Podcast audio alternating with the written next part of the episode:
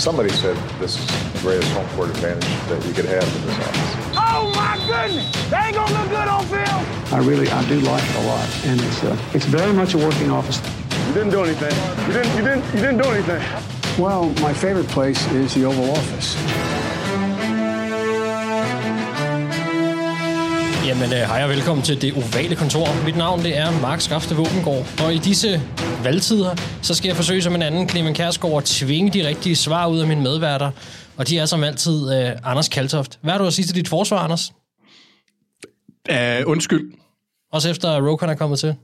Nå, nå til, på den måde, jeg troede, jeg havde gjort det eller noget. Nej. Øhm, ja, ja, det kan vi jo tage i nyhedsrunden. Ja. Det, er, det er en ambivalent følelse, jeg har, for jeg elsker spilleren, jeg kan bare ikke lide positionen eller prisen. Men der er noget kontekst, hvor det giver lidt bedre mening. Jeg elsker, når vi skal ind på ambivalente emner. Så bliver det lidt hårdt. Thijs Johanger, er du med os? Det kan du tro. Det er der mange, der er glade for. Inklusive os. os. Hvordan går det? Men det går godt. Dejligt. Er du frisk? Ja, det er faktisk okay. Ja. Det er faktisk okay. Du lyder, du, det er meget Det, overbevisende. det lyder, som om du har været på valg, Thijs. ja, jamen, jamen, øh, jamen, jeg var overrasket over spørgsmålene. Nå, Altså, det fik jeg, det, og det fik mig også til at øh, forholde mig til, at øh, nå jo, men, men, jeg føler mig egentlig mere frisk, end jeg måske kan gøre nogle gange.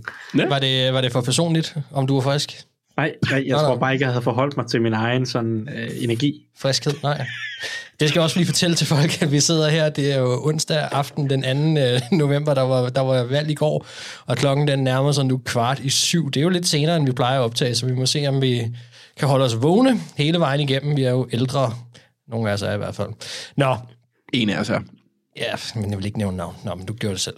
Godt. Ja, jeg ved godt, jeg er gammel, Mark.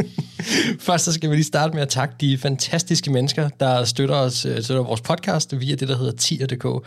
Det er en klub, som man sagtens kan blive medlem af, hvis man har lyst. Så har man lyst til det, så kan man altså støtte os med et valgfrit beløb for hver gang, vi udgiver et program.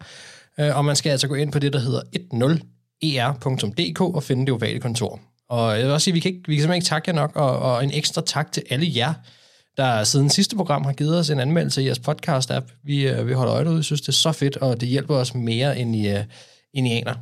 Og øh, så synes jeg, vi skal se at komme i gang. Okay, so the, the rumor is true. Okay, uh, we just traded you. Okay, we traded you to the Indianapolis Colts. All right, so um, you okay? Now I'm gonna call my grandmother. som jeg også tror, jeg vil gøre, hvis det var mig nu. Øhm, vi skal snakke trades, fordi der var NFL trade deadline i går. Det kan godt være, der var folketingsvalg. Der skete noget lidt vigtigere, synes jeg, øh, og noget lidt mere spændende. Øh, det gik jo amok. Det ene store navn efter det andet blev flyttet inden den her deadline, og, øh, og vi kommer lige til at kigge på nogle af de sådan større navne, som, øh, som blev flyttet i går. Og lad os, lad os bare lægge ud der, hvor jeg ligesom tog lidt fat allerede øh, fra starten af med, med at øh, Bears, de har for alvor solgt ud, kan man sige. Rokon Smith, deres linebacker, han er blevet traded til Baltimore Ravens for et andet og et femte rundevalg i 2023. Anders, det er oplagt lige at gå til dig her og så høre om dine ambivalente følelser. Hvad er det, der gør, at det er ambivalent for dig? positionen og øh, den kontrakt, han gerne vil have øh, i fremtiden. Fordi det, jeg kunne forestille mig, at han går efter at slå øh, Jack Leonard.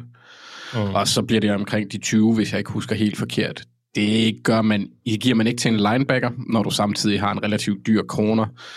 Øh, du har en quarterback, der skal have en kontrakt. Så det bliver sådan lidt besværligt på det punkt. Øh, og så fordi jeg synes, at der er nogle andre steder, hvor vi manglede mere. Men det er igen det der positionel værdi. Roquan Smith er en af få spillere, der faktisk kan udløse øh, det, at- en middle linebacker kan være sindssygt god værdi, fordi han kan det hele. Han, kan, han er hurtig side til side, og han kan blitz, og han kan stoppe løbet, og han kan dække op. Så på den måde giver han noget, som Ravens ikke har lige nu. Øhm, en habil, consistent linebacker. Og så kan han måske også gøre, at Patrick Queen kan gå hen og udløse sit potentiale, og vi kan bruge ham til det, han er bedst til. Øhm, men jamen, altså, det, er det, er jo- det er jo lidt som om, at vi leger ham hos Lisi for nogle måneder, øh, øh, tror jeg. Øh, på den måde kan det godt give god god mening. Det eneste, jeg er bange for, det er, er den kompleksitet, det giver, når vi skal, hvis vi skal give ham en kontrakt. Fordi vi stadigvæk har Lamar, der skal have en kontrakt, og han må og skal være første prioritet. Siger du, og der vil at, jeg øh, gerne have muligheden for et franchise tag. Så skal bare høre dig engang. Hvad siger du? Siger du, at Peter er flyttet til Chicago, og det nu er der, man ringer 100 gange 8 for at få fat i, uh, i nye spillere, eller hvad? Ja. Ja. Nå, Jeg skal bare lige være helt med. Ja, al- altså for nogens vedkommende, for, øh, fordi, for, for Erik da Costa og øh, Harry Roseman er det der. ja, okay. Måske også lidt for, for, for Omar Khan, for at være helt ærlig. Ja. Øh, men, men ja, det er det. Øh, og jeg, altså, jeg kan godt forstå det fra Bears synsvinkel, giver det sindssygt god mening, for de er ikke et sted, hvor deres hold har råd til at give mange penge til en linebacker, Han har også været meget øh, i forhold til, hvordan de, bygger det. ja, han har også været meget Han har været omkring, Han har været meget åben omkring, at han også gerne vil væk selv. I hvert fald og i, var det i off-season, at, øh, at han snakkede rigtig meget om det. Så altså, Det var også, fordi de ville ikke give ham den kontrakt, han gerne ville have. jamen lige præcis, ja. Ja, og, og, og det, det kan jeg godt forstå. For, for Bears synsvinkel ville være fuldstændig vanvittigt at give en linebacker en dyr kontrakt i det moderne NFL. Øhm, havde, var han blevet valgt i 2000, så havde han jo været den perfekte Bear, og han havde nok været der hele karrieren. Mm. Men det er en anden verden, vi lever i nu. Og, og for Ravens er det jo skide smart i forhold til at få en blue chip, rigtig højt niveau spiller, ind på et hold, der godt kan vinde Super Bowl i år. Altså det er, øh, hvis man kigger bort fra de tre tophold, øhm, Eagles, Chiefs og Bills, så er det andet sådan en mudret pøl, hvor alle faktisk kan gå hen og nå ret langt, og kan gøre rigtig meget. Og hvis vi så kigger lidt på sidste år, hvor Bengals var meget heldige på flere punkter, men også matchup-mæssigt. Der er nogle hold, der bare ikke egner sig til at spille mod hinanden, og hvis Ravens er et af de heldige, der kan nå til Super Bowl, hvis en af de store bliver nappet af et eller andet andet hold, så har, der, så har vi en mulighed for at vinde. Øh, fordi vi har Lamar. Mm. Og der hjælper det lidt, hvis forsvaret også bliver bedre, og vores linebackerspil har ikke været så godt. Men kan du Så- se ham passe ind? Kan du se, hvor, altså, hvad, hvad vil du, hvordan vil du tro, at en, et forsvar nu med Rokon Smith kommer til at se ud? Altså, hvad, hvad er der tiltænkt, tror du, er rolle til ham, og, og kan han passe ind? Det tror jeg ikke er, er et problem, fordi han er så alsidig. Så jeg tror, de kan bruge ham lidt, som de har lyst. Det kommer nok til at tage noget tid, for jeg ved egentlig ikke, at det, det altså, jeg har ikke nærstuderet med Eberflus' øh, forsvar i år. Altså, han er en af de, hvad er han, nummer to? Tackle-maskine eller sådan noget. Han har ret mange taklinger. Han ligger altid super højt der. Ja, og det er altid en, en iffy stat at lege med, fordi det betyder jo også... Altså, det betyder ikke nødvendigvis, at dit hold er godt, eller at du spiller godt. Det betyder bare, at du får registreret en masse taklinger. Øhm, men, men jo, jeg, jeg ser ham passe fint ind.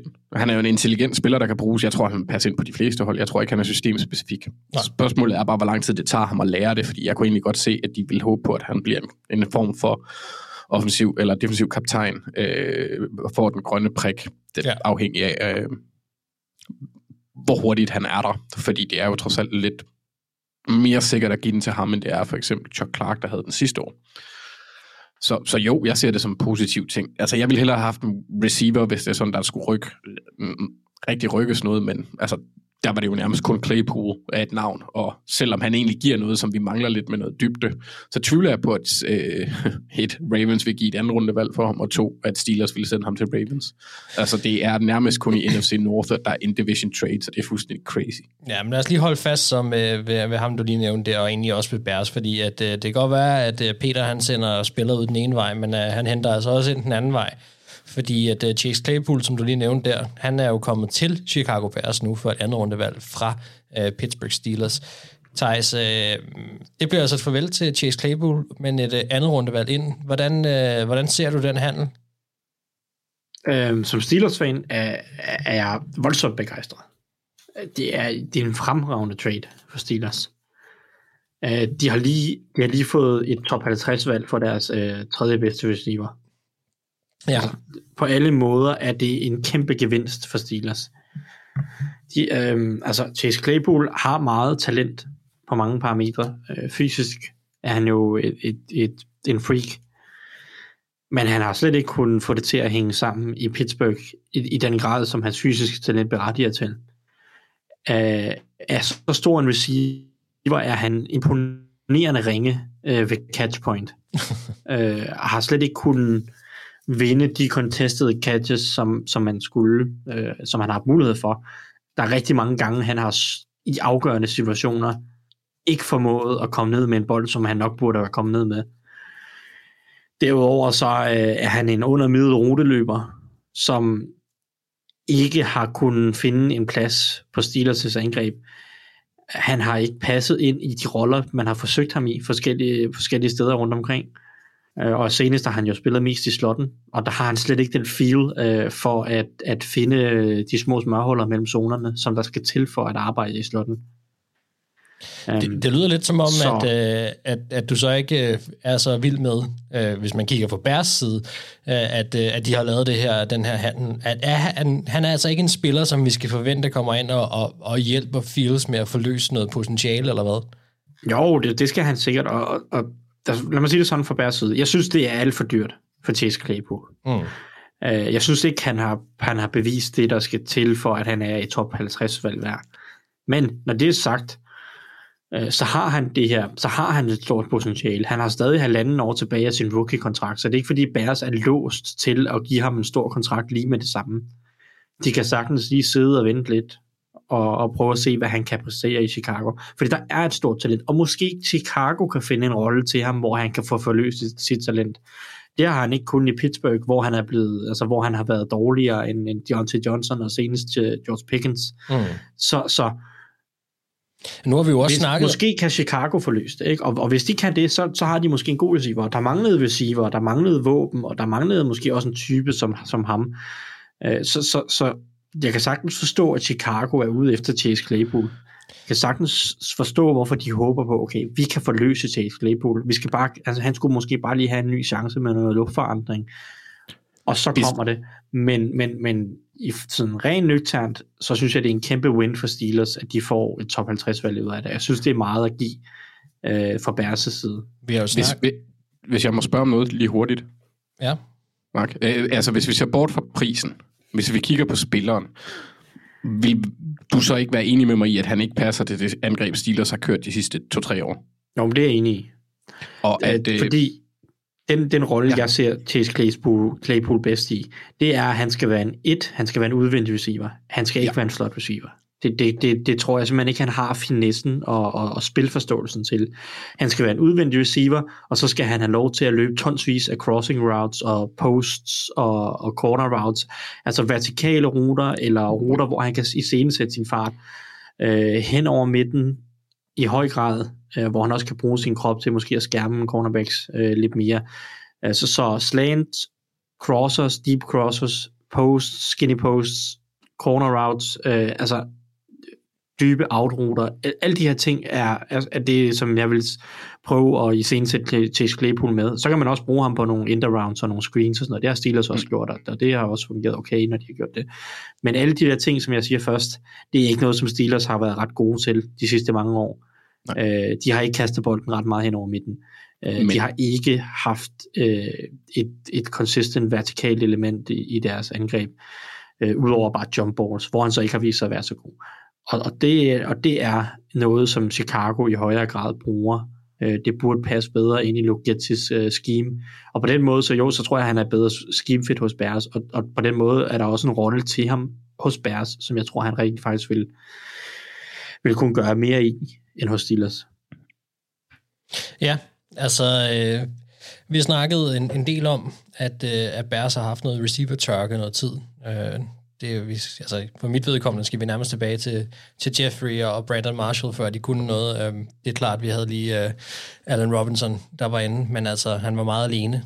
Så kom Mooney. Kevin White var tidligere også et, et, en katastrofe. Jeg, jeg tror, der er mange, der sidder i Chicago og håber på, at øh, de så nu kan have landet en, der kan være ved siden af, af Mooney, og så hvis Cole Kmet øh, viser sig at, at fortsætte med at være en, en, en dygtig tight end, så kan det være, at det begynder at ligne noget for det her angreb. Så det er nok helt klart øh, det, man har tænkt.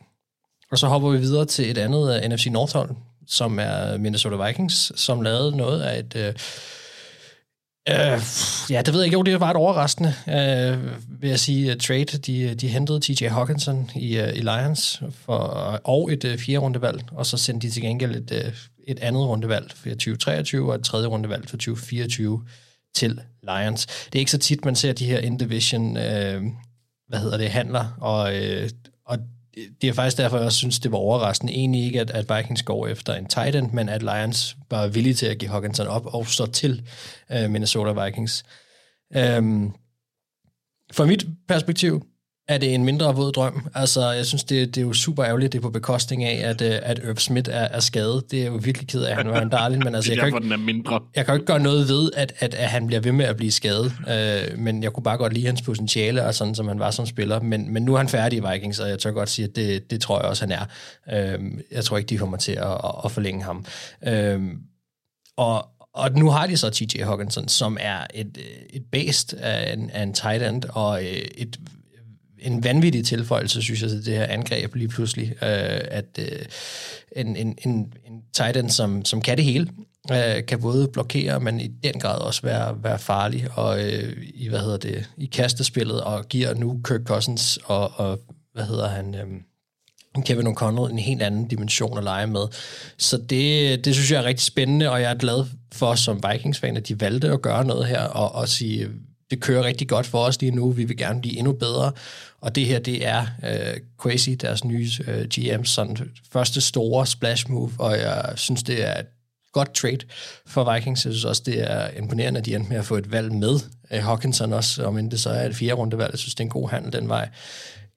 Altså Lions, jeg er jeg må indrømme, at jeg er noget overrasket over, at de, at de vælger at, at slippe ham. Øhm, fordi de er i en, i en rebuild, det, det, det ved vi. Men jeg kan ikke forstå, hvorfor han ikke skulle være, eller hvorfor de ikke mente, at han var en brik, der skulle, der skulle blive der. Han har, han har virkelig vist sig øh, frem i, i, i flere kampe som, som en, altså en, en forskel på det her angreb. Øh, det kan selvfølgelig være, at de mener, at de er alt for langt fra til, at, øh, at han skal være der. Øh, jeg ved ikke, om der er nogen af jer andre, der har et, øh, et take på den her handel også, øh, om, om I var lige så overrasket, eller om, øh, om I kan se logikken i for Lions at sende Hawkinson afsted. Altså, jeg, Kan kan jeg godt, godt. jeg kan godt se logikken i at sende ham afsted. Uh, burde de have sendt ham til Minnesota for en forholdsvis beskeden pris? Altså, en, det, det vil sige, en, hvad er det, en trade down mere eller mindre i, Ja. i draften på... Det er det. Altså en pick swap, ikke? De bytter, hvad ved jeg, 50, 60, 70 pladser ned. Det er noget af den stil, jeg, jeg synes jo også selv, at prisen er meget fornuftig.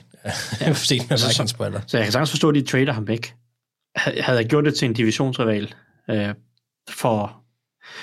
Og, og der er nok ikke en bedre pris for dem, øh, for en, en tight end, som er god, men ikke er en top 5 tight end, øh, i hvert fald lige nu.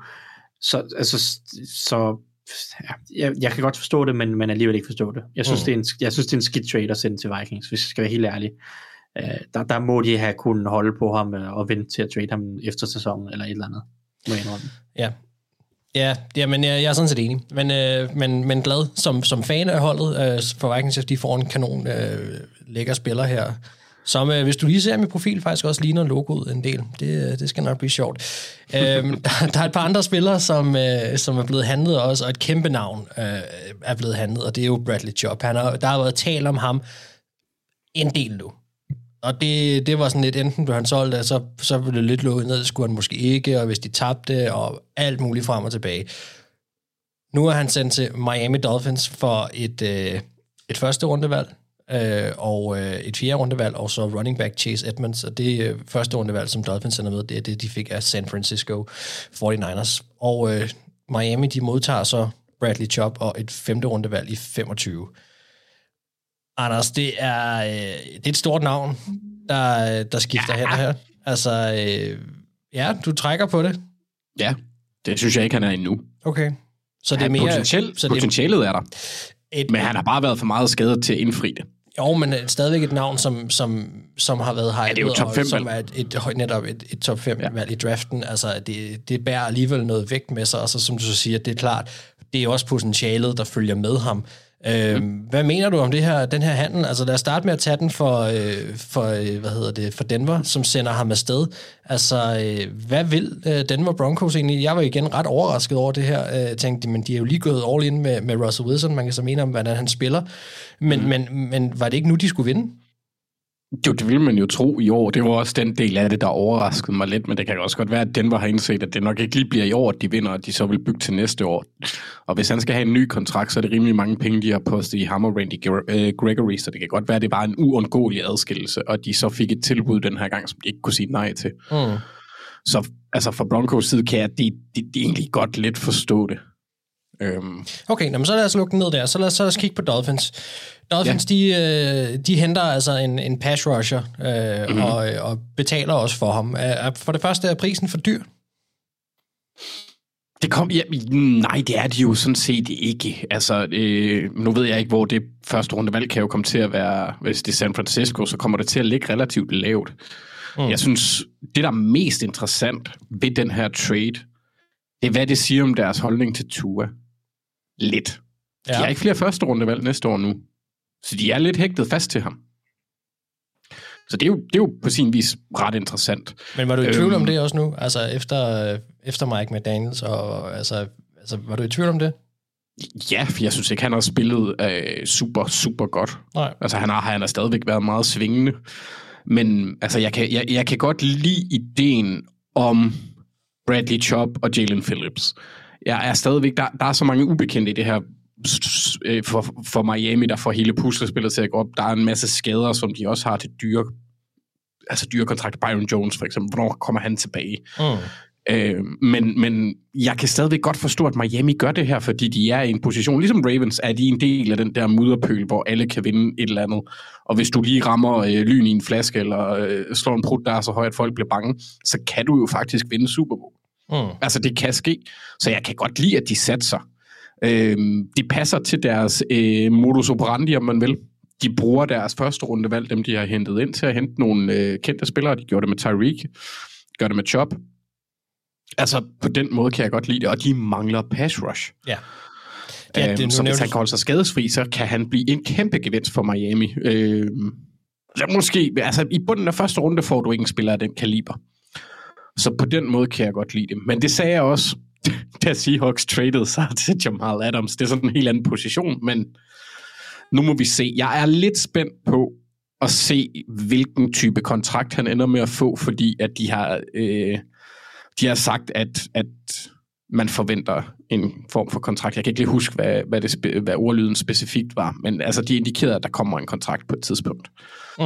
Ja, det bliver der jo øh, Altså, men, men altså, ja, det, det du selv siger, Dolphins har søgt pass rush. Du nævner Jalen Phillips, som, som de hentede i, i første runde for to år siden nu, ikke? Var det ikke sidste år? Var det sidste år? Ja, det kan godt være. Det kan godt være, det er mig, der kalder rundt i det. Men, men, men altså, de har søgt det her pass rush noget tid, og på papiret, der har de, der har de nogle navne nu, som, som bør kunne gøre noget. De er ved at være et ret profiltungt hold, faktisk.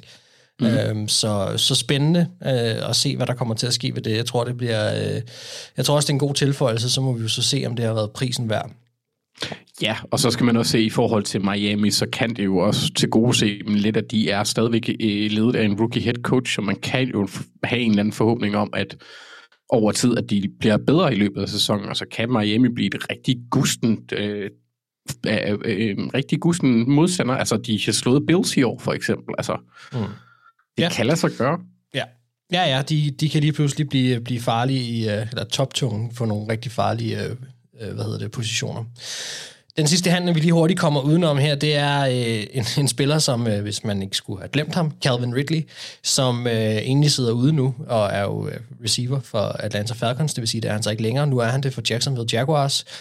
Og det er en, en, en, en speciel handel, øh, fordi han er suspenderet, men, men han er handlet alligevel her, og han er, det er nogle, nogle specielle betingelser. Nu skal vi lige holde tungen lige i munden, fordi det, der er en masse øh, ting her, der kan, hvad kan man sige, ændre værdien af ham. Øh, for det første så er det en, øh, hvad hedder det, hvis han kommer tilbage for sin suspendering, indtil videre, så er det et femte rundevalg i 2000, eller i 2023, øh, ellers er det et sjette. Øh, hvis han kommer på holdet i 2024, det vil så sige Jaguar, så er det mindst et fjerde. Og hvis han, øh, hvis han kommer til at spille øh, et, inden for nogle øh, parametre, de har sat, jeg tror, det er en vis mængde tid, så er det altså et tredje rundevalg, og hvis han så lang, på lang sigt bliver en Jaguar-spiller, øh, eller får en lang, hvad kan man sige, på lang sigt får en handel ind, eller en kontrakt ind, der gør, at han bliver der, så er det et andet rundevalg. Øh, Thijs, jeg kan ikke huske, at jeg har set en, en, øh, en, en handel skruet sammen på den her måde før, med så mange øh, men, men, men, øh, og et, egentlig et potentielt noget, der kan gå fra et 6. til et andet rundevalg. Altså, hvad, hvad sker der her? Jo, men det er... Man kan sige, øh, det er jo også en svær situation at, at trade en spiller, som der er så relativt stor usikkerhed omkring. Ikke? Altså, øh, han, for det første bliver han 28 lige om lidt. Nu har han siddet ude af ligaen, eller kommer til at have siddet ude af ligaen hele år.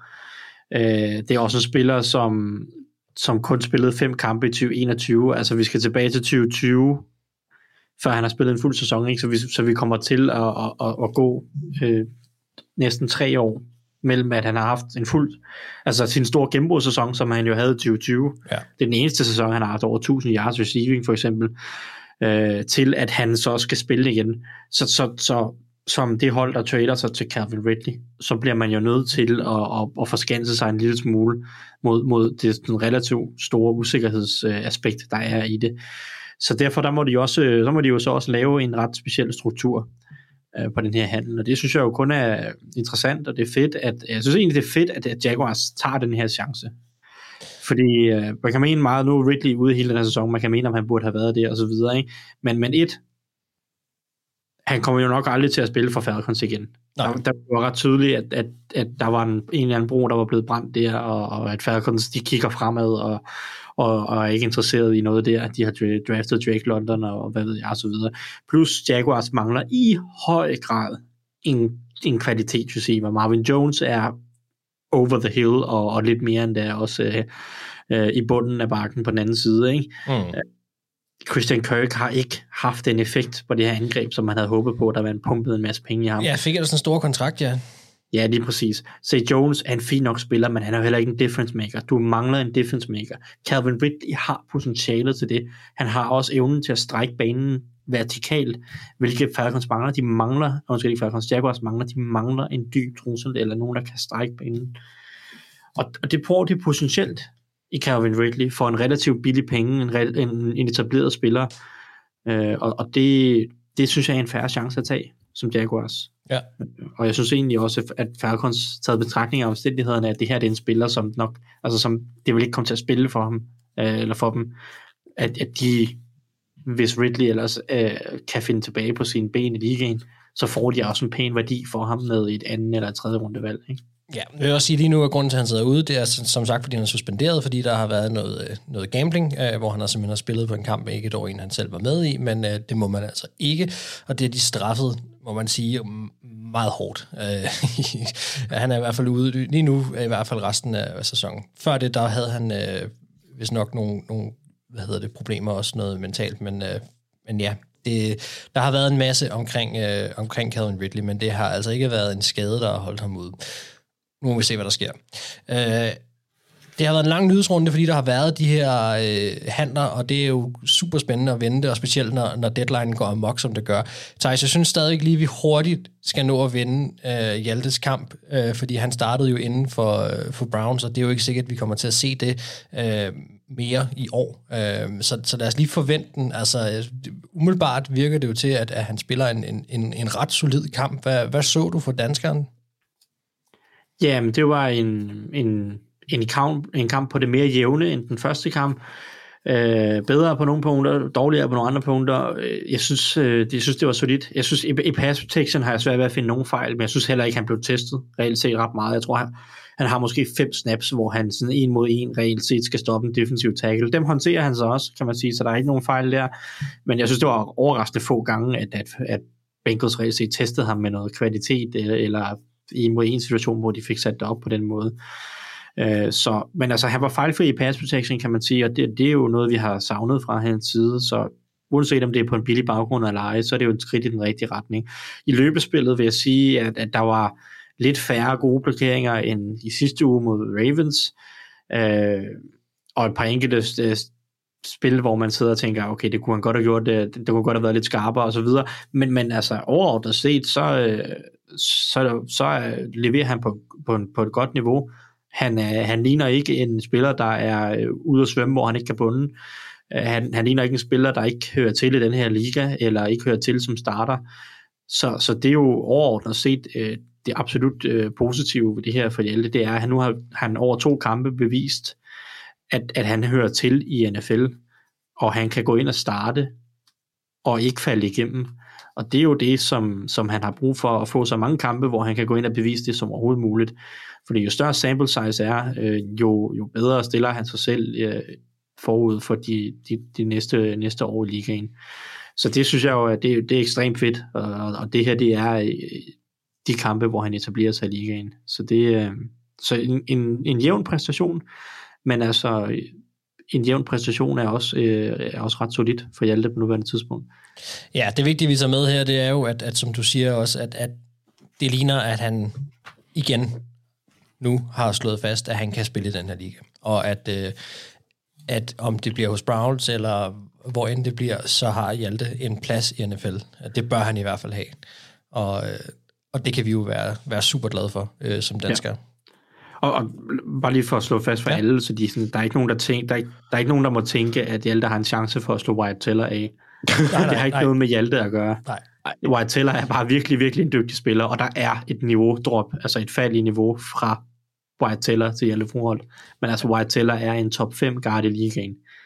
Så, så Hjalte, han, han kommer ikke til at vinde en starterplads på det, de her solide præcisioner, ikke hos Browns lige forløbig. Nej, det man kan sige, det som man kan håbe på, at Hjalte kan bruge det her til, at Wyatt Teller rent faktisk er om, det er, at han er at han er så heldig, at, at det virker som om, de har et okay forhold, når I altid snakker om ham i hvert fald, at, øh, at han så kan lære for en af de bedste, øh, og, og også gå ind og være en solid backup, og, og skal, skal Hjalte så videre, jamen så, øh, så kan det måske være som starter et andet sted, øh, fordi du har fuldstændig ret, jeg tror, at han regner med at selv at kunne slå ham af pinden. Øh, det, det vil godt nok være, være sensationelt. Og det, Nej, man kan sige, at det du siger, det er med at lære af White Teller, men også Joel Petonio, som er en af de mest erfarne og dygtigste guard i ligaen, som, altså på venstre guard. Mm. Det tror jeg har været altafgørende for, at Hjalte overhovedet øh, er på det niveau, for det, øh, den udvikling, han har haft hos Browns, øh, med, øh, med, hvad hedder det, med de to dygtige guards at lære af, og så selvfølgelig, øh, hvad hedder det, Brian Callahan, som er den offensive, øh, undskyld, ikke, ikke Brian Callahan, hvad hedder han, Brian? Bill Callahan, Bill. som er den offensive øh, linjetræner Øh, og en af, altså en af de mest erfarne og dygtigste offensiv linjetrænere i ligaen også. I historien næsten. Altså, ja, han, er, historien. han har altså, været så sygt god. Han er en legende ja. inden for den offensive linje, altså som offensiv linjetræner. Kombinationen af Callahan og så Betonio og Teller, det tror jeg har gjort øh, enormt meget for Hjalte. Og for måske det, som har reelt set har betydet, at Hjalte bider sig fast i ligaen. Øh, ja. Så det, det er super fedt. Jamen, øh, det er vi super glade for, og vi øh, er giver med klarfatten og håber på, at, øh, at Hjalte bliver ved med at kunne få chancen og vise sig frem i NFL. Montgomery, who lost the football, and the Cowboys have it. It's Parsons on top of it. Micah Parsons on the move, and Micah Parsons is in.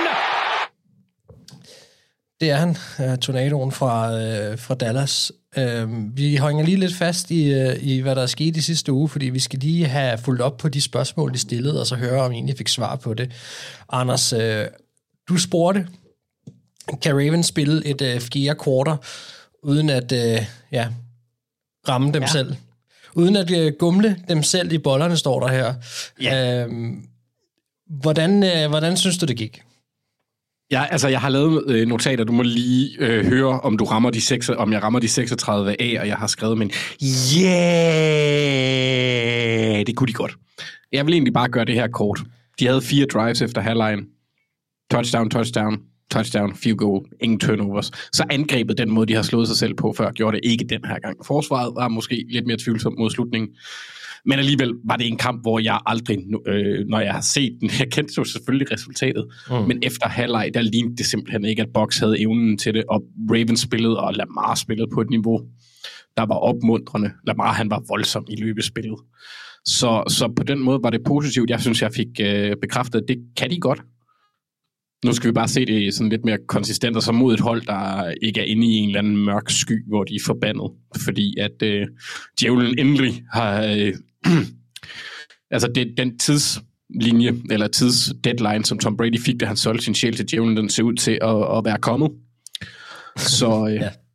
hvis vi gør det mod et hold, der er lidt mere velfungerende end, end, end Tampa er lige nu, så, så bliver jeg blive mere glad. Men det var, det var en god start, synes jeg, i forhold til de bekymringer, jeg har haft tidligere. Super. Jamen, uh, Thijs, uh, i mit papir her, der står der stadig noget med Patriots. Som jeg husker det, så snakkede vi noget Bears uh, i stedet for. Hvad var det, du Ja, ville det var, det var først et pa- øh, Patriots take, og så var det egentlig mere et Bears take, efter jeg fik set sidste uges Monday Night Football. Men vi kan, tage, vi kan lige tage Patriots. Ja. De var tilbage på, på sporet, i hvert fald i en eller anden grad, og, og viste, at de sagtens kunne spille forsvar.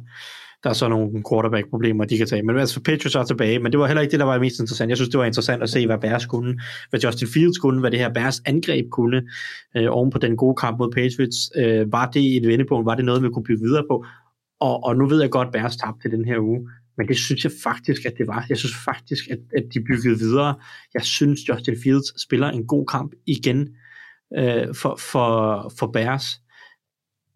Der er, der, jeg synes, der, er- der er enorme fremskridt at spore hos ham de sidste to, tre, måske fire uger, øh, hvis vi sammenligner med de første fire uger.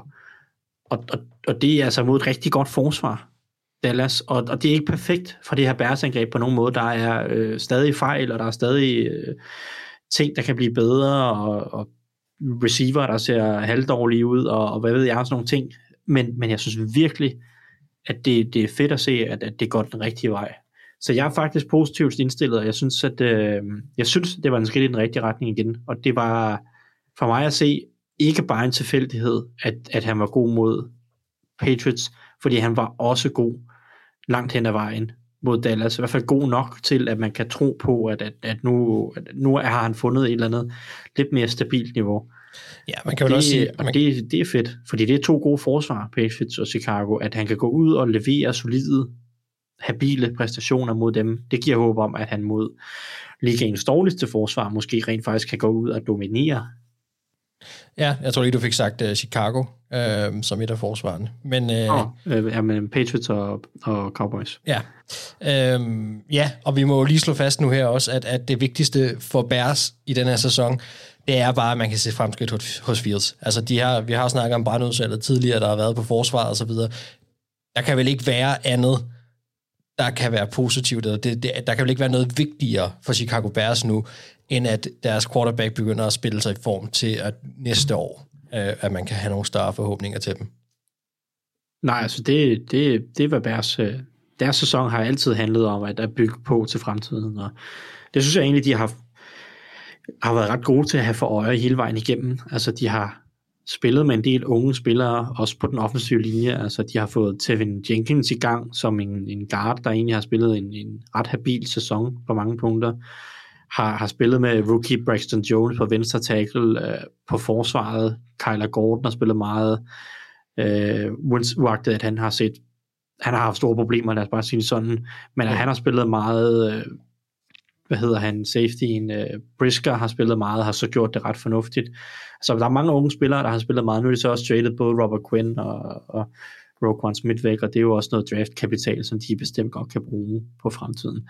Så jeg synes, at øh, jeg synes Bears har fået indtil videre det ud af sæsonen, som de skulle, og de har også vundet nogle kampe, så det har ikke været ren elendighed. Og så, øh, så skal de jo bare blive ved, og så, som, som du siger, mere potentiale forhåbentlig på de afgørende positioner. Der er en halv sæson endnu, der kan man nå at udvikle sig meget. Og med de ord, der går vi videre. Hey guys, it's Shaquem Griffin, and you're listening to the Oval Office. Det gør du nemlig, og øh, hvis du skulle have glemt det altså, men øh, det kan du selvfølgelig ikke. Og vi er videre i øh, det nu, der hedder et matchup, I glæder jer til at se. Og Anders, jeg kan se, at, øh, at vi skal snakke om øh, to spillere, som, som jeg holder ret meget af. Den ene nok lidt mere end den anden. Mm. Øh, den ene, det er Stefan Dix, og så er det... Øh, hvem er den anden? Det er sovs. Ja.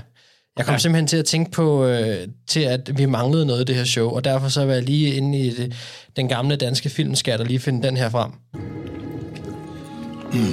God sovs. Som, Ja, jo, og- er, som jo er for blinkende lygter. Øh, og altså, det er det, det er. Det er god sovs. Det er god sovs, Mark. Ja, det er det. Og så er det også en af de der øh, uskyldige ting, der kan lyde, lyde forkert, hvis jeg bare siger, at det er Dix versus sovs. Ja, det er Så- rigtigt. Ja, men, men altså, jeg er meget spændt på at se de matchups, der gør, for der er jo også en fysisk dimension i det her, fordi Sovs er en meget stor spiller, og det er Dix ikke lige frem. Så det glæder jeg mig sindssygt meget til at se deres matchup, og øh, hvordan Sovs lige forbereder sig mentalt til den her del af det. Men Anders, hvad tænker du egentlig, hvis nu du skulle give et, et, et bud på den her matchup, som du snakker om, som jeg er sikker på, at mange andre også synes er interessant. Er Source Gardner en, en type, som har en chance for at, at stoppe noget af den dominans, som, som Dix og, og Josh Allen har haft indtil videre? Altså, jeg vil da sige, at han er en af dem, der har muligheden for at give forsøg. Altså, Stefan Dix har jo drevet gæk med de fleste i år. Øh, jeg synes særligt, at Jair Alexander var fuldstændig fejlkalkuleret, da han gik hen og begyndte at trash talk ham i starten, eller ind og op til kampen mod Packers. Når man tænker på, hvor dårligt spillende det her forsvar har været, og hvor godt spillende angrebet har været, så, så, sejler man lidt ligesom i sin egen sø. Mm. En god spiller normalt, ikke? Men Dix, han kan drive de fleste til vanvid, men Sovs, han har jo også bare, han har en eller anden ukulig evne i college. Jeg ved, ikke engang, jeg ved ikke, om han har opgivet touchdown i NFL, men han havde ikke gjort det i college. Jeg er egentlig ret sikker på, at han heller ikke har gjort det i high school, men i hvert fald i college. Han er en syg spiller. Han, han bliver bare ved med at overraske mig. Jeg havde heller ikke forventet, at et, et, en rookie skulle spille så godt, som han har gjort. Nej, han er en, en fantastisk dejlig spiller. Ja, og så han, altså, at han formår at gøre det, når han er på højde med Thijs, ikke? Eller, eller lidt højere måske, at han er 6 fod 3, det er altså et monster. Mm. Ja, jamen altså, han er et monster, og han er simpelthen pisse sjov at se at spille, hvis jeg skal være helt ærlig. Uh, virkelig, virkelig en fed spiller, Jets har fået ind der, og har løftet, har været en kæmpe del af at løfte forsvaret, også nok snakker Quinn Williams også, men, men det hele hænger mm. jo sammen. Fra en uh, super god receiver i Stefan Dix til en anden Thijs, kan jeg se. Jeg blev simpelthen inspireret af Anders. Ja, det er da dejligt. Uh, fordi Anders han kørte jo en, en erfaren, dygtig receiver mod en, en rookie cornerback. Og jeg blev simpelthen nødt til at slå ned et andet sted i ligaen. Uh, lidt mere vestpå øh, hvor vi har øh, et fedt match på den her uge mellem DeAndre Hopkins og Tarek Woolen, øh, som er jo Hopkins er, kender vi alle sammen, men Tarek Woolen er det her femte rundevalg, som Seattle Seahawks valgte i draften i år. Og han har jo braget ind på scenen også. Øh, selvfølgelig ikke lige så sådan overordnet set lige så god som Source Gardner, men alligevel øh, bemærkelsesværdig på, på hver sin, øh, på mange måder. Øhm, hvis vi lige tager Hopkins først. Han er jo kommet tilbage her for to uger siden, og øh, lad os bare sige sådan, at øh, han, har, han har indtaget ligaen øh, med storm her, ja, efter, efter sin seks kampes øh, karantæne. Ja, han, er... han har på to kampe har han 22 catches på 27 targets for 262 yards, altså et snit på 130 yards cirka per kamp, og så et enkelt touchdown. Han står for, card, eller for 49 procent af Cardinals yards de, de sidste to uger. 49 procent. Shit. Det er ridiculous. altså, Men til sammenligning, så, altså, hvis vi tager Ramses angreb, hvor Cooper Cup jo, hvor man føler, at han er en enmandsherre i år, og de kun har ham. Uh, Cooper Cup står i år for 39 procent af Ramses catch yards. Ja, det er altså det er 10 procent mere. Men det er jo, det er jo helt vanvittigt. Man, man føler jo også, at, at du kan kaste alle bolde bare i en radius af 10 meter af ham, og så skal han nok få den ind på en eller anden måde. Han er jo vanvittig, altså fuldstændig det touchdown catch, han har i weekenden mod, øh, mod Vikings, er jo øh, fuldstændig latterligt. Så, så effortless, han får det mm. til at se ud. Øh, så, så han er jo øh, han, han er kommet godt tilbage oven på sin karantæne, må man sige. Og det har, det har været en, altså, det er jo en gave til det her ellers øh, lidt håbløse Cardinals angreb. Øh, det giver dem jo noget, som de, altså en, en eller anden drivkraft, som de ellers ikke har haft i sæsonen. Og øh, Hopkins, er jo sådan, at han, han næsten altid liner op på venstre side af formationen hos, øh, hos, hos Cardinals. En lille smule ind i slotten i år. Øh, lidt, lidt mindre mod Vikings, end det var i første, første kamp tilbage. Øh, men, men, men det er sådan, at han kommer til at stå over for Terry Wool rigtig, rigtig meget, fordi Seahawks cornerbacks, de spiller også sides. Altså det vil sige, at Terry Wool, han spiller øh, også øh, næsten kun på højre siden. Altså næsten alle hans snap line, han op til højre på forsvarssiden, og dækker altså den receiver op, der står yderst til venstre, og hvilket næsten altid vil være DeAndre Hopkins øh, for, for Cardinals. Så vi kommer til at se et, et direkte matchup, hvor de formentlig får 50-60 snaps direkte over for hinanden. Og det glæder mig sindssygt meget til at se, fordi Hopkins er ekstremt dygtig, men Terry Woolen har i den her sæson ikke tilladt mere end 54 øh, yards i den eneste kamp øh, et touchdown over de her øh, første otte kampe, øh, og har til gengæld lavet fire interceptions, og har virkelig bare haft en næse for at, at være de rigtige steder, og hans helt vanvittige atletiske evner øh, springer bare i øjnene ugentligt. Altså, det er så vildt at se, hvor hurtig han er.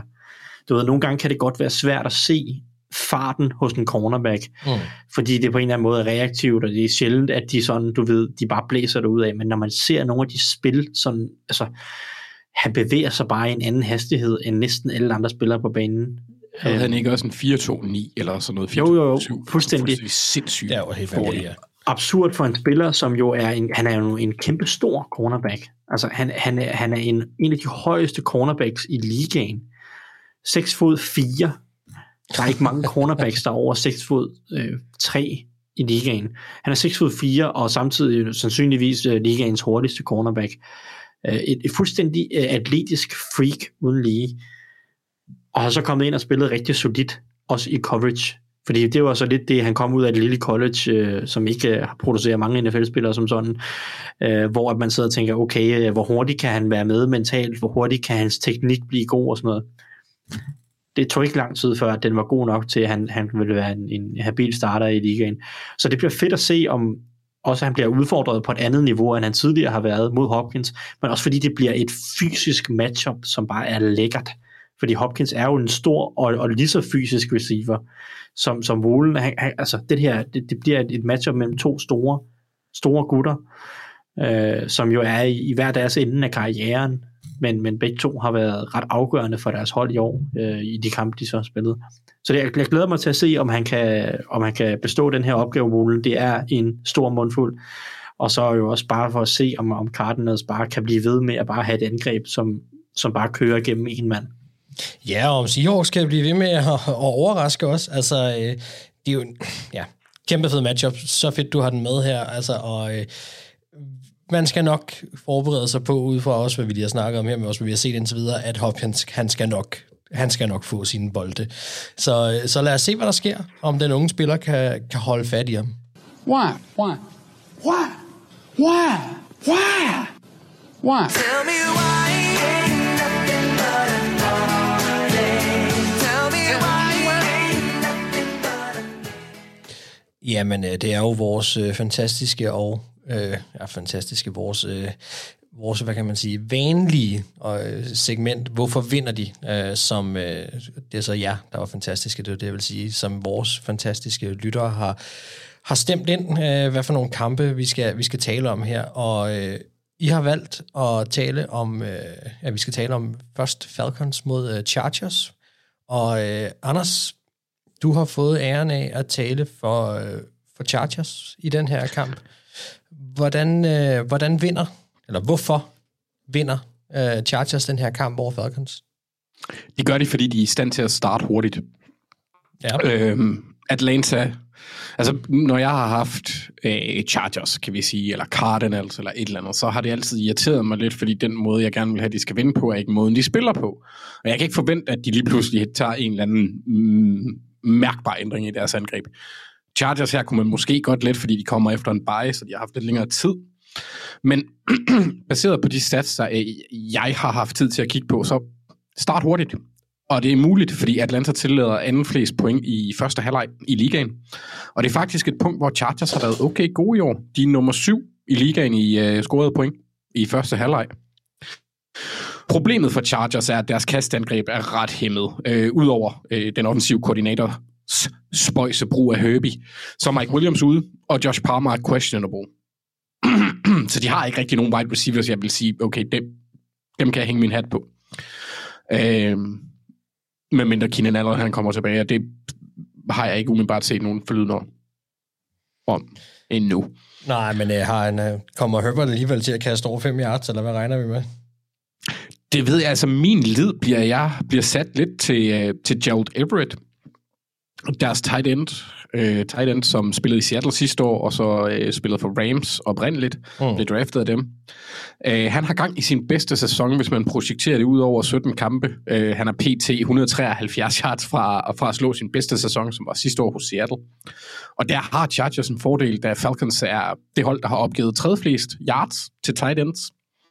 Så på det punkt kan han blive en, en, en kampafgørende faktor.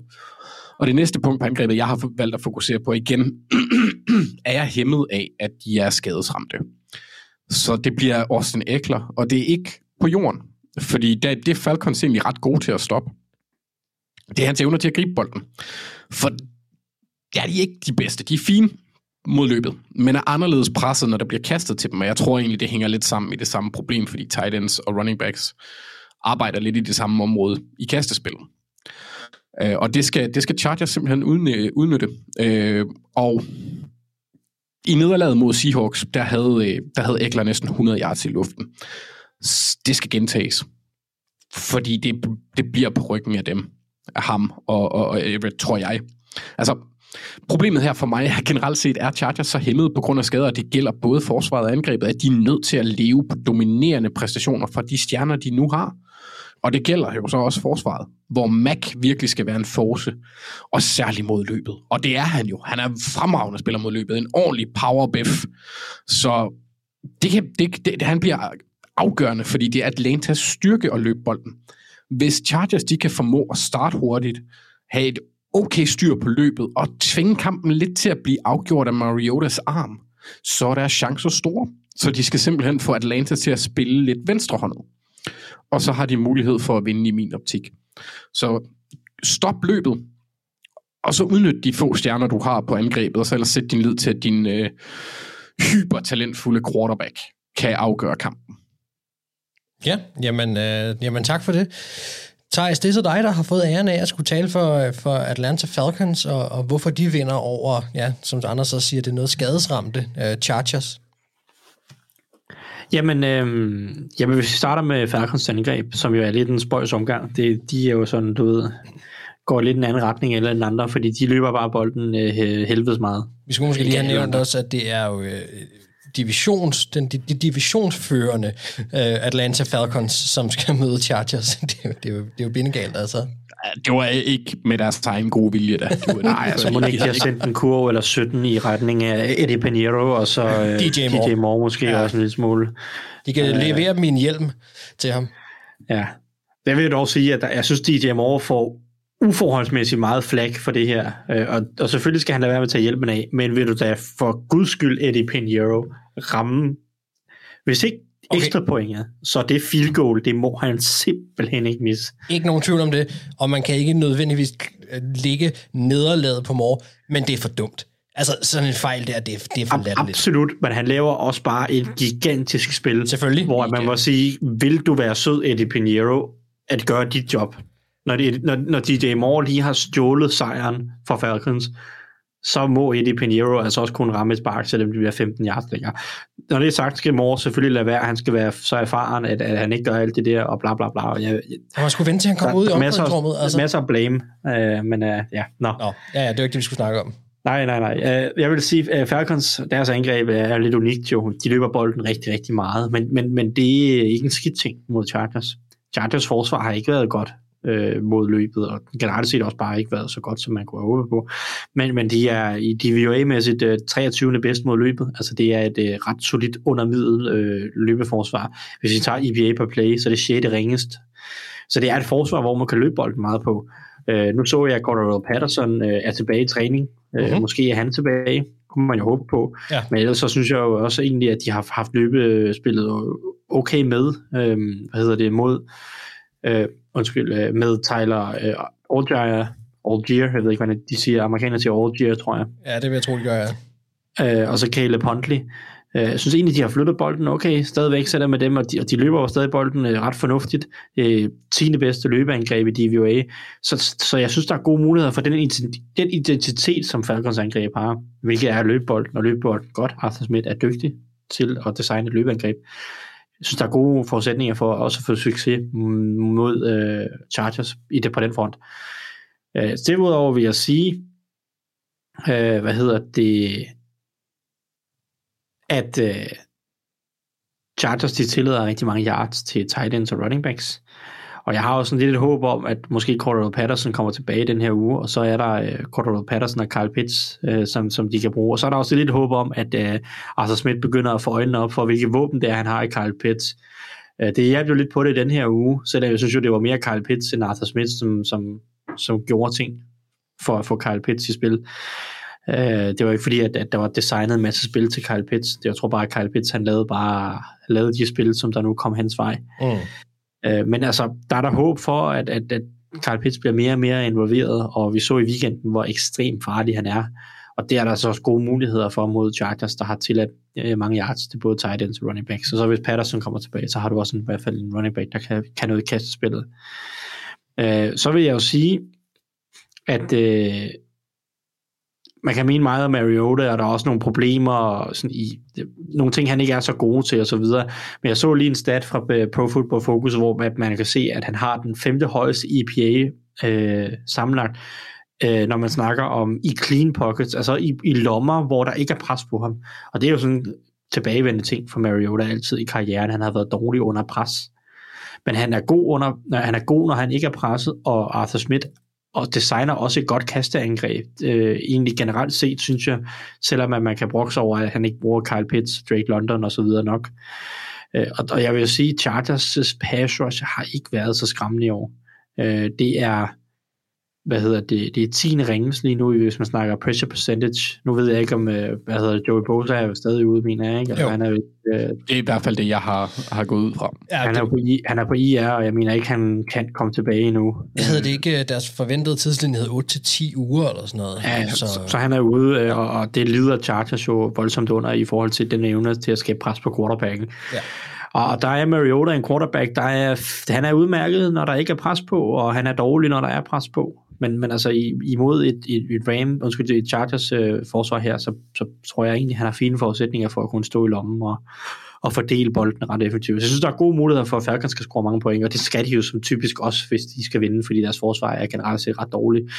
Men jeg vil dog sige, at, at netop det her forsvar, som Falcons løber rundt med, har jo tilladt øh, et hav af store spil imod sig, øh, og er blevet brændt øh, ret meget, og øh, vi så også i weekenden mod, øh, mod Panthers, hvordan at, at Øh, Panthers øh, havde, nogle ret, havde ret, flere ret store spil mod dem, både øh, som sagt øh, DJ Moore, men også typer som Terrence Marshall og sådan noget, øh, var, var et problem for øh, Falcons forsvaret. Men øh, og bare det for undersøgt det, Falcons øh, tillader næst flest, eller undskyld, flest air yards af alle hold øh, i ligaen, det vil sige, at, at øh, air yards, øh, yards, altså kastede yards, øh, det vil sige ikke jack, ikke yards efter bolden bliver grebet, men de yards, som, som selve bolden flyver, inden den bliver grebet. Øh, der tillader de fleste alle, øh, og de har en ret høj øh, sådan average depth of, ta- of target imod sig. Det vil sige, at, at ned ad banen er de svage. De tillader mange store spil. Problemet er med Chargers, at jeg er ikke sikker på, at de kan slå Falcons dybt. Jeg er ikke sikker på, at de kan strække Falcons og slå dem ned over, øh, over toppen, eller man skal sige, fordi, fordi det er ikke den måde, Chargers spiller angreb på. Det er ikke den måde, de har haft øh, succes på, og nu mangler de så endda også Mike Williams, som er deres bedste udvendige trussel til at, at strække banen øh, vertikalt. Øh, øh, Chargers er meget mere et hold, som, som har en del korte kast, og, og jeg ved bare ikke, om de sådan udfordrer Falcons på det, som Falcons er dårlige til øh, den vej rundt. Og det kan godt bekymre mig lidt øh, øh, i forhold til, om Falcons kan skabe de eksplosive spil, som, som Falcons forsvar egentlig inviterer til. Øh, ellers vil jeg sige, Falcons forsvaret øh, en mand, som jeg håber, de sætter deres lid til, og det er Grady Jarrett. Altså han er deres bedste forsvarsspiller, øh, har været det i år. Deres bedste pass rusher, og Chargers' guards er nok der, hvor du, du kan skabe størst problemer for den i, i pass protection. Zion Johnson og Matt Feiler har været til at tale med i år. Så, så øh, det er sådan det er det, jeg tror, som Falcons kan, kan vinde på. Jeg tror egentlig, de har gode forudsætninger for at score mange point på, øh, mange point på Chargers. Mens at jeg er ikke sikker på, at Chargers har eksplosiviteten i det indgreb, som kan følge med, hvis det bliver en højt scorende kamp. Og det, øh, det kunne jeg egentlig godt se, det blive fra Falcons øh, angrebsside i hvert fald. Ja, jamen øh, for, for vores andres øh, underholdningsskyld, så håber jeg, at du får ret. Spændende, når vi skal snakke picks, som en af jer har fået overbevist den anden. Så hopper vi videre til, øh, til næste kamp, som I har stemt ind på Twitter, og det er øh, mellem to hold, som øh, lad os bare sige er på det, vi kalder en, en nedadgående kurve. Det er Tampa Bay Buccaneers mod øh, Los Angeles Rams. Og øh, Anders, det er dig, der skal tale for, for Los Angeles Rams her. Altså, øh, det er vel ikke noget dårligt tidspunkt at møde Buccaneers på. Hvordan, hvordan vinder de, eller hvorfor vinder de den her kamp? det er sjovt, det er heller ikke et dårligt tidspunkt at møde Rams på. Det er, øh, Men det er ikke det, du skal NFL's tale om. version af DF og Kristendemokraterne. Ja, øhm. jamen fedt. Øh, Så øhm, Hvem er nej, hvem? men altså, Rams' vej til sejr, det er øh, igen, jeg er sgu lidt doven, når det handler om hold, hvor at systemet ikke fungerer. Det har det ikke gjort for Rams i år. Øh, så jeg går på, på stjernerne, og der har de Aaron Donald, og han bliver underligt nok kampafgørende. Fordi han kan skabe pres op igennem midten. Som og det kan ikke Tom kan Brady ikke lide. Nej. Det er der ingen, der kan lide. Nej. Men, men Tom Brady kan i særdeleshed ikke lide det her. der var et spil mod Ravens, hvor han bliver presset op igennem midten, og så prøver at løbe ud, og så ser han, der er ikke nogen at kaste. Så prøver han at løbe. 10 minutter senere er han nået en yard længere frem. Ja. Øhm, han kan rammes. Øh, man kunne frustrere, så jeg, imod Ravens kan man frustrere deres wide receivers. Øh, hvis man er presser dem nok, så, så er deres hænder måske ikke så habile, som de plejer at være. Øh, blandt andet Chris Godwin, der var et spil, hvor Gino Stone, han øh, læser det så fremragende, og så smadrer bolden ud af hovedet på ham. Øhm, og så tror jeg på, at Rams gør en meget klar indsats på at have Jalen Ramsey på Mike Evans. For hvis Bucks ikke kan gå dybt til ham, så er der ikke ret meget andet, de kan. Altså, sådan af farlige ting. Og jeg forventer, at Tej siger det samme øh, i forhold til Cooper Cup, bare generelt, fordi at Rams har været øh, ikke eksisterende på det eksplosive del af, af, af spillet i år, synes jeg. Men det er på forsvaret, jeg synes, det skal, det skal laves, fordi Bucks er i år et hold, der kan bølles. De er ikke bøllen længere. Og, øh, og, og der ser jeg særligt, selvfølgelig Donald, selvskrevet, Ramsey og Bobby Wagner, de kan virkelig gøre en forskel på det her punkt, fordi mentalt kan han følge med Wagner i forhold til Brady. Øhm, og så er der det fysiske aspekt, hvor at, altså, det er bare ikke det samme længere. Han ser lidt ældre ud. Armen er fin, men han ser lidt ældre ud, så han kan stresses. Og på angrebet, for at være helt ærlig, der må jeg sætte min lid til Sean McVay finder på noget. Øh, Boks forsvar er øh, til at tale med. Det synes jeg, det har været hele året. Der har været et eller andet, som jeg også sagde, efter de vandt over Cowboys, hvis jeg ikke tager helt, eller tabte de til Cowboys, det kan jeg ikke huske. De spillede mod Cowboys i den første uge, og der var bare et eller andet, der ikke lige, der var et eller andet, der virkede forkert. Og jeg tror simpelthen ikke, at det er et hold, der er i en stime, hvor de kan til ramme et, et niveau, der er acceptabelt, næsten vil jeg sige. Men samtidig kan jeg sige det samme om Rams. Jeg har bare lidt en større tro på, at Rams' indre kultur lige nu er lidt bedre, og derfor mere positivt anlagt, og har en større mulighed for at vinde. Men det er to hold, hvor det ikke fungerer lige nu. Så øh, generelt dysfunktionelt, men øh, stjernerne kommer til at afgøre det. Altså, vi har Donald op gennem midten, og, og så Ramsey, der, der skal lukke Evans ned. Ja, og, og, og på angrebet har jeg simpelthen så svært ved at se, altså, se, se, sige, de skal vinde på den her måde, fordi jeg synes, at der har været så stor inconsistency, som man, undskyld mit engelske her, men, men det er svært for mig at sige, den her plan dur, den her plan dur. De kan ikke løbe bolden, Rams. Forfærdelige til det. Og Cooper Cup, han virker låst på en måde, og Allen Robinson er bare for svingende i sine præstationer til, at jeg kan sætte min lid til, at det skal gå gennem de to. Går vi ud fra, at det er Cam Akers, der kommer tilbage, når nu han ikke blev handlet? Aldrig. Nej. Ikke i den her uge i hvert fald. Ja, det kan godt være, at det kommer. Altså nu læste jeg et eller andet tweet med, at de vil snakke med hans agent om at se, om de kan få ham tilbage. Men der var jo sket et eller andet, at hvad fanden ja, det er. Skal jeg vide, om vi nogensinde får det at vide? Det er ret interessant. Det kan være, at han har øh, kysset med Sean McVays kone eller et eller andet. Who knows? ja, det kan selvfølgelig godt være. Nej, det har han nok ikke. Men altså, der er et eller andet, der er et eller andet galt i Rams. Der er et eller andet, der ikke matcher. Øh, til deres til sker det samme i box. Så, så på den måde er det ja, to dys- dysfunktionelle hold, men hvor at jeg synes, at stjernerne har spillet bedre. Øhm, Box var selvfølgelig også rimelig mærket af, at de spillede mod Lamar, øhm, fordi selv når de gættede rigtigt, så satte han dem. Så det kan man ikke regne med, at Matthew Stafford gør. Jeg går ikke ind og siger, at de tager RPO og kører den. Men øh, de skal i hvert fald have aktiveret på en eller anden måde, have en form for trussel i løbespillet. Det betyder ikke, at de skal løbe den, men de skal indikere, at de har en trussel. Så RPO kan måske være en god ting. Men ja, Altså, jeg synes, det er, det er to deprimerende hold i år.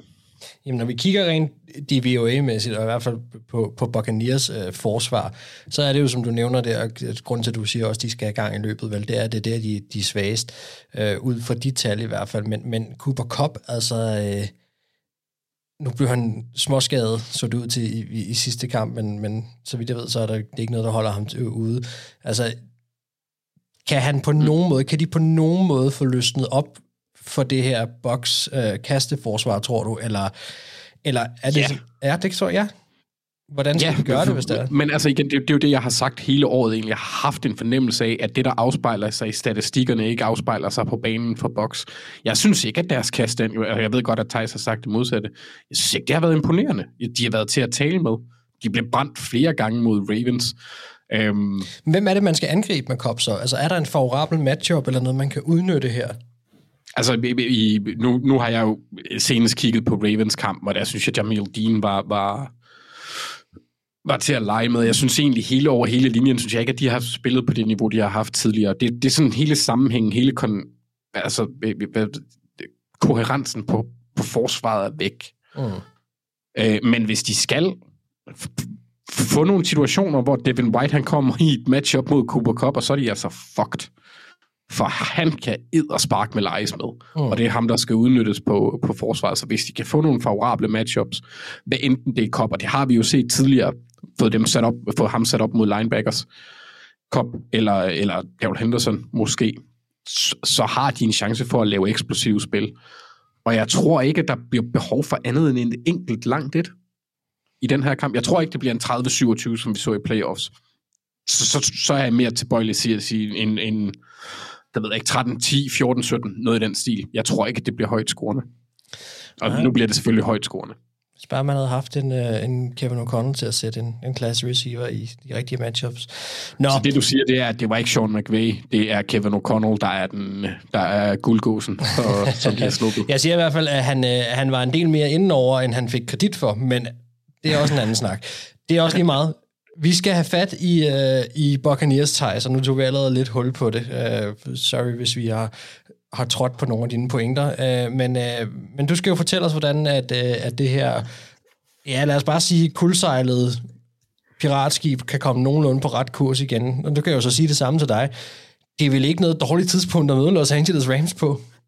Nej, altså I har jo, som I siger, altså det, det er to hold, der sejler overordnet set. Jeg, jeg så det er generelt set bare helt overordnet sige, at øh, jeg synes jo, at Rams styler noget mere end Buccaneers, trods alt. Uh-huh.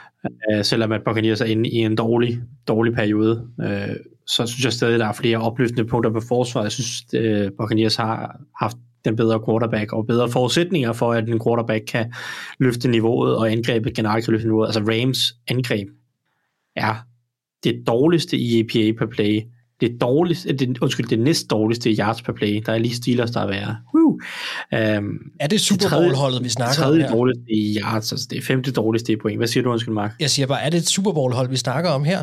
Eller Super Bowl-vinder? Ja, ja, det, er jo, det er jo helt vildt. Det er fuldstændig vildt, at altså, Buccaneers angrebet har også sine problemer, og, og der er andre angreb, der har problemer i ligaen, men, men altså, vi snakker om et angreb, som, som du siger, de vandt Super Bowl sidste år det er stadig mange af de samme spillere. Der er, noget, der er nogen på den offensive linje, der er væk, Odell Beckham er der ikke, osv. osv. Men det er, det er bund 3 angreb i ligaen i år. På nærmest alle, eller bund 5 på alle statistiske mål nærmest. Det er dele mig ringe, og der er ikke mange håb. Altså sådan, der er kun Cooper Cup, som man kan sætte sit håb til, og problemet er, at han gør allerede alt, hvad han overhovedet kan. Altså, du bliver nødt til at få nogle bidrag fra andre spillere, øh, og der er ikke noget, der, der, jeg ved ikke, hvor det skulle komme fra. Der er ikke noget, der ligesom er på det, men, øh, så, så, men øh, undskyld, hvis vi skal snakke sådan lidt mere generelt, fordi okay, vi kan altid snakke om Rams' uh, elendighed i år uh, på, på, an, på angrebet. Man kan sige, hvis man skal køre lidt videre i det, så kan vi lige afslutte den, uh, sådan, hvor det er, at Buccaneers vinder på, på forsvaret. Jeg vil også stadig sige, at den her Rams offensiv linje er super dårlig, og der burde stadig være, jeg er helt enig med Anders uh, i forhold til, at Buccaneers' uh, front seven har været en skuffelse på nærmest alle spillere, undtagen Lavante, Lavante David har været en skuffelse i år. Øh, men der er stadig talent, som burde give Rams problemer. Vita Vea er der stadig, Joe Tryon Sojinka er der stadig, øh, Logan Hall er der et andet rundevalg fra i år, Anthony Nelson. Jeg ved godt, at de har mistet Jack Barrett, kæmpe tab. Men der er stadig nogle spillere heroppe foran, der burde give problemer for en svag offensiv linje. Øhm, men jeg synes jo egentlig, at, at fordi Rams' angreb er så dårligt, så, så vinder Buccaneers den her kamp på, at de kan score flere point. Øh, der, Rams' store problem på deres forsvar i år, lad os sætte det sådan, fordi de har, har ikke, de har ikke været super skarpe imod kastet, det er det 19. bedste pass defense i DVOA, men, men, men det, er, det er voldsomt at se den måde Rams øh, tillader utrolig mange korte yards. Rams har Og, øh, og det her, det er, det er ret, ret suverænt øh, den, den laveste depth of, eller average depth of target imod sig. Det vil sige, at, at, at jeg kan sige, at tallet det er 5,5 yards. Det vil sige, at angrebene kaster i gennemsnit 5,5 yards ned ad banen, når de møder Rams. Øh, det, næst, det næst laveste tal, det er 6,3. Det er, det er meget i sådan en statistik som det her, at de ligger under alle andre. Og, og, og de andre hold, der ligger nede, nede i bunden, det er generelt set ret fornuftige forsvar. Det er for Niners og Broncos. Og generelt set synes man jo, at det er en god ting, når man kan holde angrebet til at kaste kort. Fordi det, det, de store spil er jo dem, hvor man, altså det er dem, der er de mest effektive, hvis du kan skabe eksplosive spil, store spil. Men Rams er consistently så ringe og tillader så let mange yards under neden, at, at, at det, det, det er et gigantisk problem for det her forsvar. Vi så også i weekenden, hvordan Christian McCaffrey og George Kittle, for den skyld, men, men også bare, altså 49ers fik så mange gratis yards, og Rams, de giver så mange gratis yards væk, at deres pass rush nærmest er en non-faktor. Jeg så, at, at Rams var et top 10 hold i sådan ESPN stats, øh, eller ESPN's øh, øh, pass, pass rush win percentage, øh, og jeg, jeg mener egentlig også, at PFF har graded deres pass rush sådan decently. Øh, nu skal vi se, hvor vi har Rams øh, som 13. bedst. Men deres coverage er bare alt for dårligt. Altså, de har, de har den næst dårligste øh, pressure percentage i ligaen. Så selvom at deres pass rush egentlig er meget fint, så, så nytter det ikke noget, fordi bolden er sluppet. Øh, før Aaron Donald øh, og Leonard Floyd og de andre, øh, Greg Gaines og sådan nogle på den defensive linje, overhovedet kan komme ind og have en effekt på spillet langt hen ad vejen. Fordi Rams tillader så mange gratis yards under neden, og de er for dårlige til at takle, de er for dårlige til at lukke afstanden op til, til nu de korte kast, fordi som jeg siger, generelt set er det en fordel at, at tillade en del korte kast. Men så skal du også kunne lukke afstand, du skal også være hurtig fremme, og så takle godt.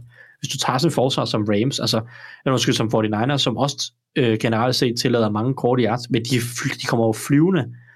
Øh, hvad hedder det, Fred Warner og Hufanga og deres cornerbacks takler godt, Javarius Ward og så videre.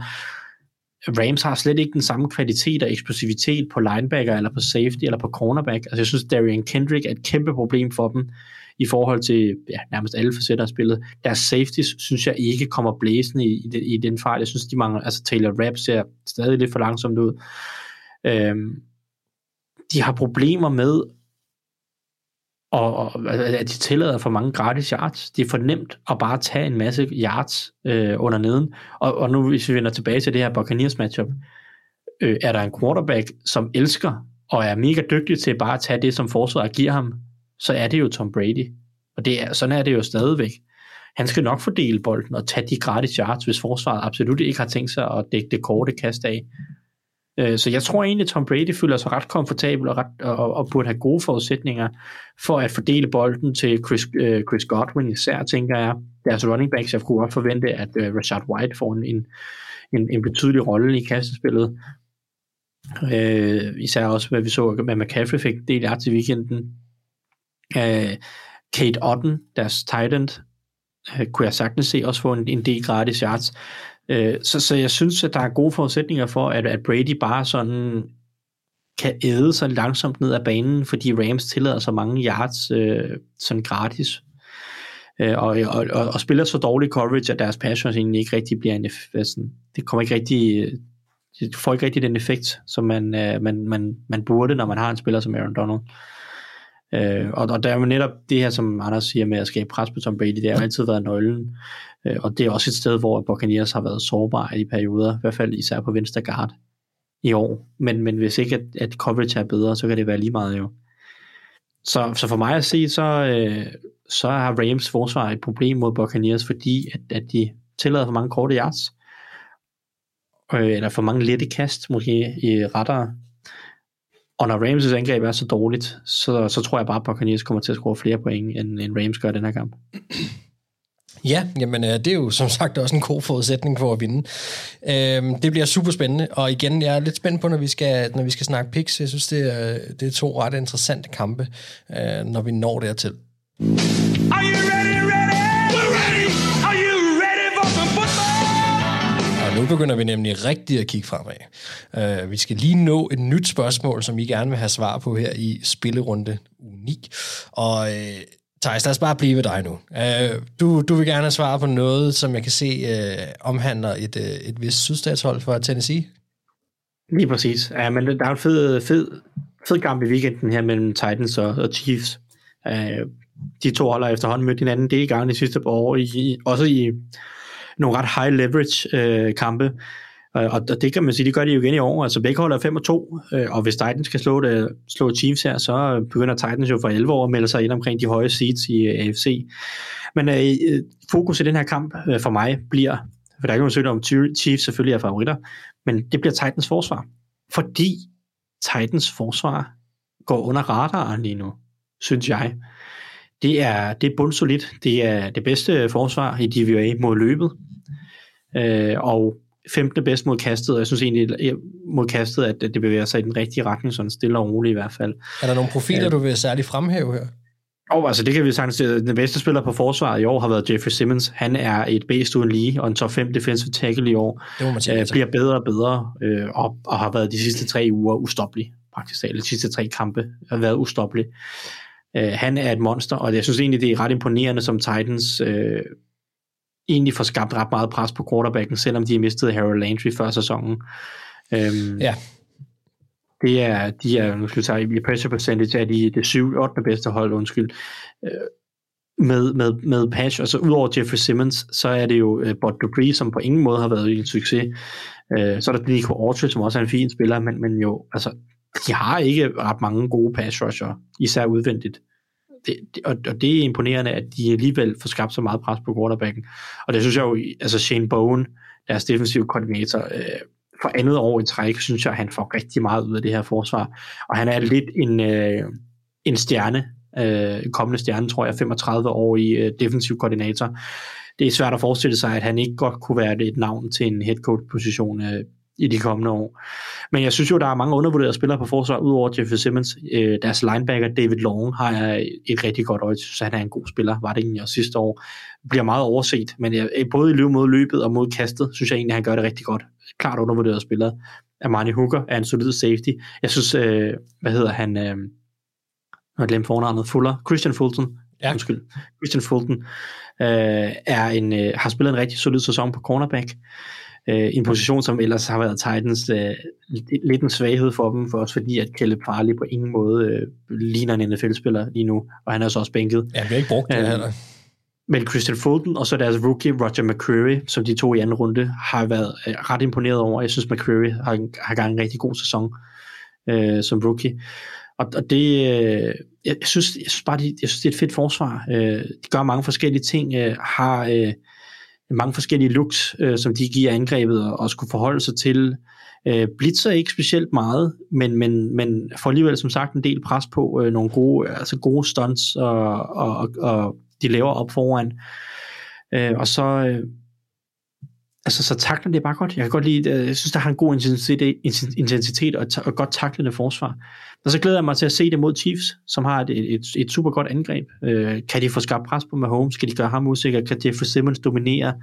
Har de nok gode cornerbacks? Fordi deres problem er måske det, de mangler. Nu nævnte jeg for uh, Christian Fulton og, og, og McCreary. Har de en tredje cornerback, der er god nok? Lige nu er det Terrence Mitchell, der er inde uh, og spille. Uh, det glæder jeg mig til at se, om, om det her forsvar er legit nok til, at det kan byde skære med Chiefs. Fordi hvis det kan det, så er Titans seriøse, øh, og et hold, der kan lave sådan, kan være en, en nederen modstander i slutspillet. Som de har været men, et par gange. Ja, ja, som de har været et par gange, men udstiller Chiefs dem, så er man også sådan lidt, okay, så kan de ikke mod de gode hold formentlig. Så, så begynder det så begynder man at altså, have svært ved at tro på, at de rent faktisk kan gøre skade på hold som Chiefs og Bills. Ja.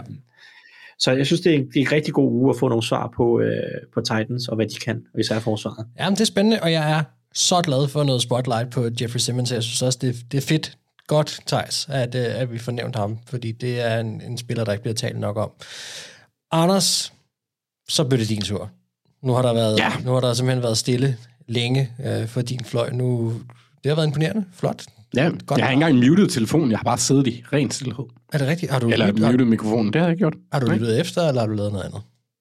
Jeg har lyttet efter. Nå, okay. Sådan semi. Jeg er jo lige begyndt på nyt arbejde, så jeg er sådan semi til stede. Nå, har du lige snuppet en powernap imens? Nej, det gjorde jeg inden. inden vi begyndte. okay, Nå, men det er fair nok. Det er dejligt, at du kommer frisk og veludvilet. Det kan jeg til gengæld godt lide. Ja, ja. ja, ja. Jamen, altså, i går, da jeg kom hjem, der ville jeg gerne sove, men så var der heldigvis trade deadline, og så var klokken lige pludselig sengetid, og det var jo dejligt. Og nu er også, Men altså, klokken har lige nærmet sig lidt over 8 i vores optagetid nu, ikke? Så vi er også begyndt at nærme os sengetid, så det er godt, du, du lige har fået den på plads. jeg, jeg har ikke engang været ude at tisse eller noget. Nej, det Så, er øh, simpelthen imponerende. Altså, altså, hold Ja, op. men altså, jeg holder mig ung, Mark. Det gør jeg sgu. Ej, det gør du. Ja. Hvad, øh, hvad vil du gerne have svar på? Mens du stadig kan huske det, skal vi måske ja. tale om det her. hvad, hvad Jamen, vil det, det, gode, det gode ved det, det er, at jeg har skrevet det ned. Smart. så øh, for, for Marv Merchants eller Fabio gang i kastespillet, og her snakker jeg jo selvfølgelig om Derek Carr og Trevor Lawrence, som skal mødes i weekenden. Selvfølgelig. Og jeg må sige, at det er skuffende for begge spillere. Trevor Lawrence han har lige en DVOA lige nu på øh, 0,2 procent. Alt, der er positivt, er over middel. Mm. Men 0,2 er fandme ikke ret meget. Nej. Øhm, det er ikke voldsomt godt. Mm, Man kan godt leve med det lidt, men han har også bare samtidig været rigtig skidt i red zone med et par dumme turnovers, så for at være helt ærlig, har han kostet dem nogle kampe. Ja, det har du. Øh, ja, Men og køber lige du over ikke- har... Ja, Køber du ikke præmissen omkring, at man kan betragte ham som, som i hans øh, rookie-sæson, eller hvordan ser du egentlig på det? Altså det har jo lidt været min tese, når vi har snakket om ham tidligere, at for mig, der startede det i år, øh, og det er også bare at lave sine egne regler, så det er jo ikke sikkert, at man vil købe med ind på den præmis, men hvad tænker du om det? Nå, men altså selv hvis han var rookie med det, med den fanfare, han kom ind i ligaen, og de forventninger, der var til ham, har synes jeg ikke, han har levet op til det endnu. Nej, jeg, jeg, Jeg, jeg kan godt forstå, at man, man, man skøjter lidt Urban Meyer-sæson, og selv da Urban Meyer blev fyret, var det også vanvittigt dårligt coachet, hvor receiver løb ind i hinanden og alt muligt andet. Ja. Øh, så på den måde kan man godt give ham en undskyldning, men altså nogle af dem er jo også bare dumme beslutninger, han selv tager. Jamen, det, det er, og det var det, jeg ville frem til. Jeg synes jo, det er... Nogle af dem er også bare det, jeg vil kalde klassiske rookie mistakes. Altså, hvor han simpelthen læser spillet forkert, eller det er gået for stærkt, eller han bare træffer en dårlig beslutning, som vi ser. Mm. Øh, men, men er du bekymret for ham? Ikke på lang sigt endnu. Okay. Altså, jeg, jeg, jeg vil jo sige, altså, Josh Allen har virkelig sat en skræk i mig på et eller andet punkt til, at jeg vil give folk Ja. noget tid. Ja, tak, man. Fordi de, de to første, måske tre første sæsoner, jeg kan ikke helt huske, måske, om det var mere end det. Ja, det var, nej, det var det ikke. Det var det ikke. Det var, Det var 2020, 2021, han, der, har han, der har han været god. Ja. Eller hvad? Ja, men Ja, før han havde, det, han havde der, to var, dårlige sæsoner. vi snakkede der var han jo forfærdelig. Ja, vi snakkede Næsten. rigtig meget om, øh, om sådan noget med præcision, og hvor svært det var at lære sådan. Altså det, han havde problemer med, hvor Ja. svært det var at lære, og så videre. Ikke? Altså, så det var mm. bekymrende toner. Dem ja. har han jo så, Så- modbevist. Ja, og derfor er jeg stadigvæk som give dem lidt tid øh, for nogle af dem. Det er det samme lidt med Zach Wilson, er dog ikke... Altså, jeg synes, begge to spiller dybt bekymrende fodbold lige nu. Men jeg tror mere på Trevor. Ja, det Langt mere. Okay, nå dog. Ja. Ja, men øh, det sjove er jo lige over Trevor Lawrence i DVOA. Der ligger hans modstander, Derek Carr. ja. Der eller som jeg en- kalder ham. Ja, Indtil han begynder at spille igen, godt, så hedder han den våde bandit. øhm, forklar nærmere. Eller, øh, jeg kaldte ham Marv Merchants, fordi han ligner Marv Merchants fra Alene Hjemme, der er en af de våde banditter, The Ja. ja. Wet Bandits, sammen med Joe Pesci. Godt. Så er det ligesom øh, penslet ud til alle, der, er- der måtte være i tvivl om det. Øh, Ja, og hvis folk ikke har set Home Alone, så, så gør det. Ja, så er det også snart jul, så kommer den til at blive sendt et par gange. Lige præcis. det, det må folk have gjort. Øhm, men altså, der kan vi da tale skuffelse i hvert fald. Helt sikkert. Og, og, og mit problem er også, altså modsat Lorenz, så har den våde bandit, han har reelle våben i den høje ende, ikke? Altså, øh, hvad hedder det, Davante Adams har været ikke eksisterende i to kampe. Hvad sker der? Mm. Men jeg har simpelthen været så skuffet. Jeg er øh, ufattelig skuffet, fordi Derek Carr havde endelig omvendt mig. Endelig, efter mange år, hvor jeg sådan, han er lort. Jeg vil hellere have Carson Wentz på et tidspunkt, fordi der var det mindste potentiale. Ja, Det, og det er jo dumt at sige, ikke? Men han, han, er, han er bare regresseret, og jeg ved ikke, om det er hans skyld, om det er McDaniels, øh, om det er våbne. Altså, det, det giver ikke rigtig nej. mening, at det angreb er så ringe, Nej. fordi den offensive linje, der, har, der var mit store spørgsmålstegn op til sæsonen, har spillet langt over forventninger. Altså, det er jo ikke en forfærdelig linje. Så hvor er det, det går galt? Jeg kan simpelthen ikke forstå det. Og det er, det er egentlig mest Carr og Raiders, jeg glæder mig til. Jeg har ikke set mange kampe med dem i år. Hvad fanden er det, der foregår? Det, altså. det, de har været nogle skader, det, men det er ikke våbne. Det kan det simpelthen ikke være. Men der har været... Øh, altså det eneste, Altså, Darren Waller har været ude i noget tid. Det har han, og, og de havde lige Winfrow ude et par kampe også og sådan noget til at starte med. Men Adams har været der hele tiden. Og, og ja. Josh Jacobs har været øh, bindegal. Altså, så, så de har fået produktion andre steder fra os. Det- Altså det eneste, jeg har kunne læse mig til, for jeg har haft samme spørgsmål som dig, det er, at, at, at det her system, han er kommet med, uh, McDaniel, at det skulle simpelthen bare være svært. Og at, at det er et, øh, altså, at det tager åbenbart meget lang tid, og lige nu fungerer det ikke. Og, og det er jo selvfølgelig et problem, kan man sige, hvis det, hvis det er sådan, det forholder sig. Det kan jo så betyde, at man, man året efter kan, øh, hvis Carr stadig er der, øh, håbe på, at det så er blevet bedre, men øh, enormt skuffende. Altså, helt enig. Um, ja. Jeg så også lige Ziegler være ude, deres uh, GM. Altså, det kan godt være, det ser skidt ud. Vi er kun syv kampe inde i sæsonen. Ja. Der skal kraftet med snart til at ske. Det kan vi jo ikke blive ved For med. det, det, I har hyret et offensivt geni, der ikke kan få offensivt til at virke. Og hvis det er, fordi hans øh, system er kompliceret, eller for kompliceret, så må han tilpasse det til sine spillere. Ja. Jeg gider ikke det der. Altså, jeg er så fucking, undskyld, jeg er så pisse træt af trænere, der har deres system og prøver at forsere det ind. Jeg ved ikke, om det er det, der er sket med Josh McDaniels, men hvis det er tilfældet, så er han dum. Mm. Altså, det er det samme med Bears. Hvis du ikke, når du har en spiller som Justin Fields, hvis du ikke forsøger at tilpasse det til de spillere, du har, så bliver dit angreb lort. Ja, og det er jo specielt, Så- det er jo lidt sjovt ja. med Raiders, fordi man, det er jo har været sammensat over noget tid nu. Ikke? Altså man, har, man havde tid til at håndplukke den træner, man gerne ville. Man har det lykkedes at få Davante Adams til, at det har været med ideen om, at det er Carr Adams connection, og de spillere, vi har, det er dem, som man skal købe ind på. Så at det netop ikke fungerer, og at det tager så lang tid åbenbart for at få det til at fungere, og det er så ringe at se på, det er højst overraskende. Jamen, også når vi har set ham, altså med Gruden har han præsteret han jo godt.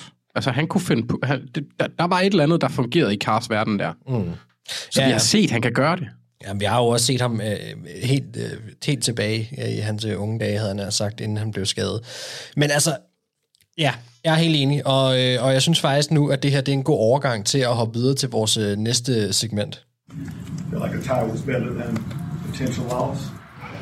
You have failed me for the last time. Fordi at øh, de to hold, vi lige snakkede om, var der nogen, der godt kunne, kunne komme op i det her. Vi skal nemlig øh, have gang i Docs varme sæde, og øh, det gør vi jo, eller det vi skal nu, det er, at vi skal først kigge på de tre hold, der blev nomineret i sidste uge. Så skal vi have smidt en af dem af slutspilsbåden, øh, båden, havde han sagt, af, af, ud i, øh, i varmen. Og så skal vi have nomineret tre nye, som vi så skal kigge på igen i næste uge. Og dem vi nominerede i sidste uge, det var, Anders, du nominerede Arizona Cardinals, jeg øh, nominerede Indianapolis Colts, og Thijs, du nominerede ostene fra Wisconsin Green Bay Packers. Thijs, lad os lige holde fast i dig så. Vi havde, vi havde regnet med, at de, de tabte den kamp. Det gjorde de også. Nu ja. nominerede du Packers. Ja. Altså, h- h- holder du fast i, at det så er dem, der skal ud nu? Nej, nej, altså det føltes godt at nominere dem i sidste uge. Det var mest det. Okay, så det var det, bare det føltes en, øh, bare, det var, det var bare, det føltes godt. Ja. Jeg, vil, jeg vil jo sige, jeg synes egentlig, at, at Packers, de, øh, altså, de møder pissegodt hold i Bills. Jeg synes faktisk, de gør det hederligt langt hen ad vejen. Jeg synes egentlig, Rodgers spiller bedre. Øh, de løber bolden godt. Øh, der er også nogle ting på forsvaret, altså, som, som man kan øh, klynge sig lidt til. Jay Alexander øh, braget løs og så videre, så videre. De er lige været ramt af lidt skader også, ikke? Altså, Ja, det gør de jo. Altså, det, det var jo egentlig, jeg, havde, jeg sagde jo egentlig sådan lidt, at jeg ville, nominere, jeg ville nominere dem i sidste uge. Det var, det var egentlig en uge for tidligt, for jeg havde mere lyst til at nominere dem, når de skal møde Lions i den her uge og så videre. Det føltes bare så godt at nominere dem sidste uge. Så jeg, jeg har egentlig ikke tænkt mig at eliminere dem. Altså, det, det, det, der er også, det er også for farligt Ja. at, at, at, eliminere dem så tidligt. Nej, så jeg, jeg vil hellere jeg vil pege på Colts. Godt. Og, og, og det vil jeg også lidt i ejerskab, fordi at, at det punt, som Frank Reich han laver, med to minutter og to og et halvt minut igen, eller hvad det er, når den siger. Ja. ja. Det synes jeg simpelthen er en omgang, det er noget, ja, det er, det er noget coward bullshit. Så øh, det, det, øh, ja, de havde fire down og en eller noget stil på deres egen 35 yard linje foran med 6 point eller noget stil. Ja, gå nu på den, synes jeg. Jeg synes, det var kedeligt, og i deres situation og sådan noget. Og så synes jeg heller ikke, at Sam Ellinger, han brændte noget af, så jeg, jeg, jeg stemmer på Colts. Anders, du nominerede Cardinals. Er det dem, der får din stemme, eller er det de to andre hold? Nej, Mark, det er sgu det, det hold, du nominerede. Jeg synes også, altså når et hold først begynder at fyre deres træner, øh, assistenter. Øh, offensiv koordinator Marcus Brady har fået sparket, hvilket er pudsigt, når han ikke er spilkalder. Men øh, så er det altså tegn på en organisation, der prøver at redde sin egen røv, og det tror jeg ikke er positivt til at tage Coles. Ja, nå, men øh, jeg, jeg vil sådan set også øh, holde fast. Så øh, vi siger øh, Indianapolis Colts, bye bye. I øh, kommer nu til at øh, være i den eliminerede klub, som består af Houston Texans, Carolina Panthers, Chicago Bears, Pittsburgh Steelers, Washington Commanders, Detroit Lions og altså nu Indianapolis Colts. Øh, og Colts må så nok også være øh, det mest overraskende hold indtil videre, hvis man havde kigget på det før sæsonen, som, øh, som nu er elimineret. Og så er vi så fremme her at skulle nominere tre nye, og øh, det kunne være, at, øh, at jeg selv skulle, øh, skulle ligge ud her, så og, øh, og det bliver Raiders. Øh, jeg synes simpelthen, den, den, det æg, de ligger, og det, det, det fungerer bare ikke. Og jeg, jeg er skuffet, og det er, jeg vil være svært for dem i forvejen, og jeg synes egentlig, da jeg sad og kiggede over at listen over elimineret, så blev jeg helt overrasket over, at når ja, de er der ikke engang. Det er en no-brainer for mig, at de, øh, at de skal derned. Øh, så jeg nominerer Raiders. Hvad siger du, Thijs? Jamen, øh, lad os lige... Øh, det er også, nu bliver jeg ved med at sige, at jeg synes, de andre skal vælge- have lov til at vælge først. Jamen, jeg ved godt, hvem jeg vil vælge, Så tager vi Anders, så får du lov til lige at trække luft ind, Thijs. Ja, ja, men jeg vil gerne, jeg er lidt interesseret i at se, hvad Anders siger. Godt. Jamen, jeg, jeg, jeg, jeg tager egentlig... Øh, jeg havde egentlig i min første tanke sagt, at jeg vil, jeg vil vente til efter den her uge med at vælge et af dem. Men jeg tager Jaguars, fordi så får vi noget interessant i... Øh, blandt andet også i det, jeg skal kigge på. Taberne, den ryger ud, synes jeg. Gjorde Cardinals noget, der gjorde, at de ikke fortjener at blive ved med at være videre? Det synes jeg ikke. Altså, jeg synes stadigvæk, de er i farezonen, men Jaguars er 2 og 6. Øhm, og virker ikke, altså som Tyson nævner, deres våben er ikke noget at råbe hurra for, og deres forsvar er, ja, de har der nogle spillere, men altså, ja, Okay. jeg tror sgu ikke rigtig på dem i år. Godt, Thijs. Hvad har du i posen til os? Jamen, nu bliver jeg, det, jeg er glad for, at Anders nominerede Jaguars, ellers så tror jeg, jeg havde gjort det. Um, men jeg bliver nødt til at stå ved det, jeg sagde sidste uge, og det var, at, øh, at, at det her det er en must-win-kamp for Packers. Ja. Uh, de er 3 og 5, og det kan godt være, at NFC South øh, stinker, og NFC West også famler lidt. Uh, men der er altså både Giants og Cowboys, der er 6 og 2. Mm. Øhm, Ja, og Nord er ved at stikke helt af for dem nu. så, så der, ja, altså, der er jo Packers, øh, de er jo for det første et godt stykke efter Vikings øh, i den division, så det er jo sådan mest øh, wildcard-ruten, vi skal kigge på fra ja. deres side. Men hvis de taber til Lions i den her uge, taber, det vil så være for øvrigt deres femte nederlag i træk Ja. mod det dårligste hold i ligaen. Hvis de taber så, så bliver vi nødt til at overveje at eliminere dem. Så jeg håber virkelig for Packers, at de kan vinde den kamp. Men øh, jeg nominerer Packers igen. Godt en nok. gang til. Ja, men, øh, jeg, jeg, jeg, det hælder ikke til, at det er dem, vi kommer til at nominere, fordi de burde simpelthen vinde. Men hvis de formår at tabe til Detroit Lions, så, øh, så skal vi have sådan alvor snak i næste uge.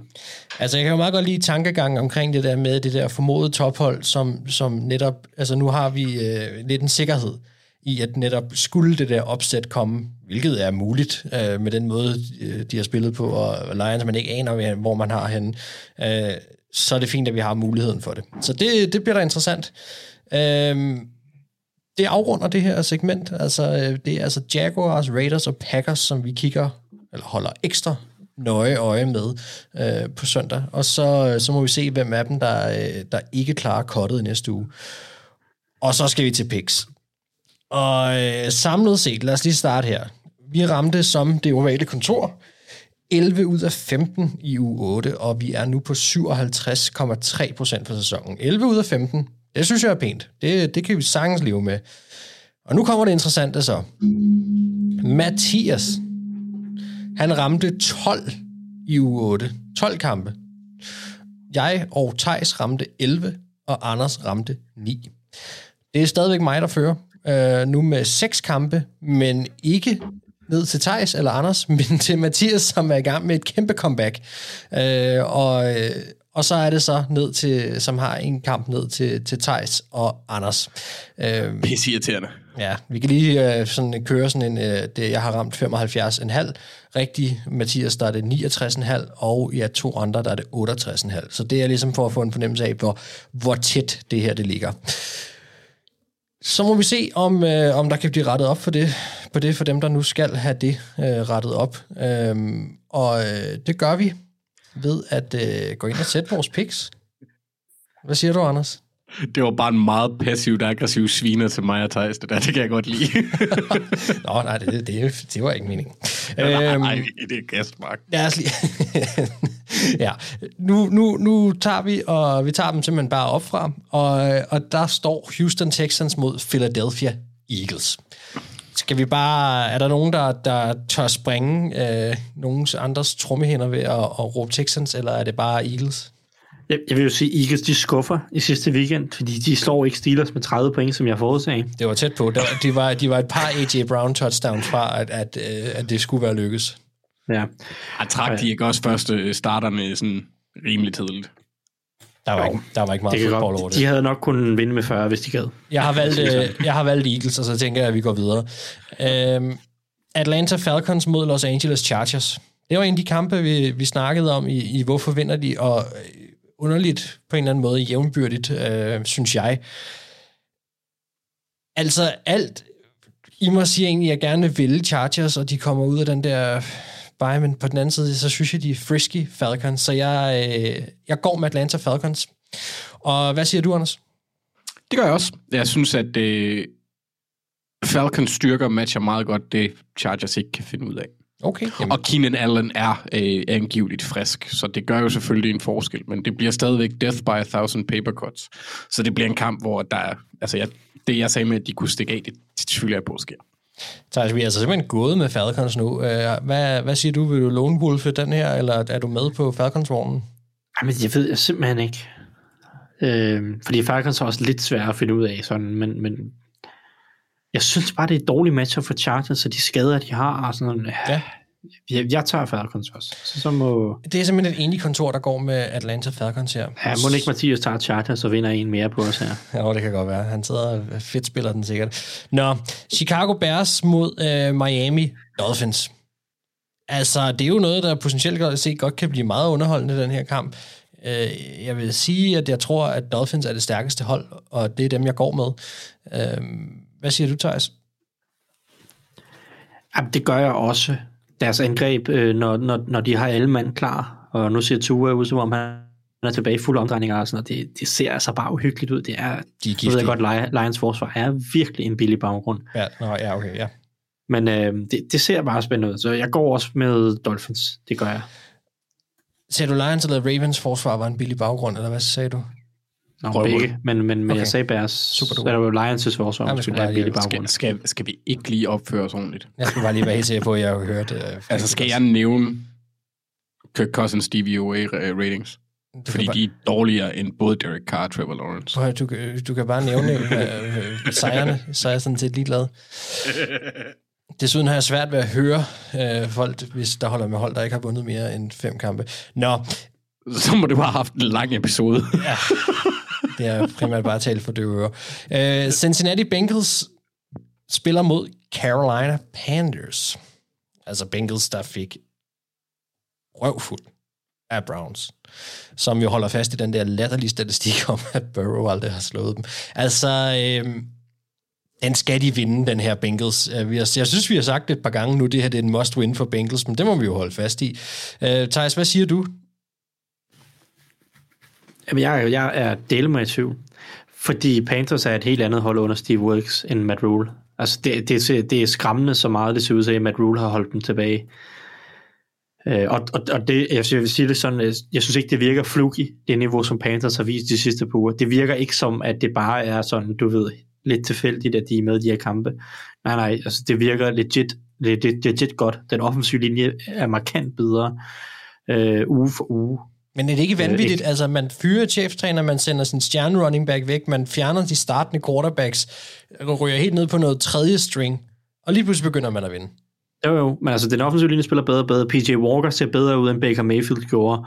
Øh, laver nogle rigtig, rigtig lækre kast. Han laver også nogle dårlige kast øh, og nogle fejl, og hvad ved jeg. Men han laver bare nogle rigtig lækre kast. DJ Moore er lige pludselig en del af angrebet.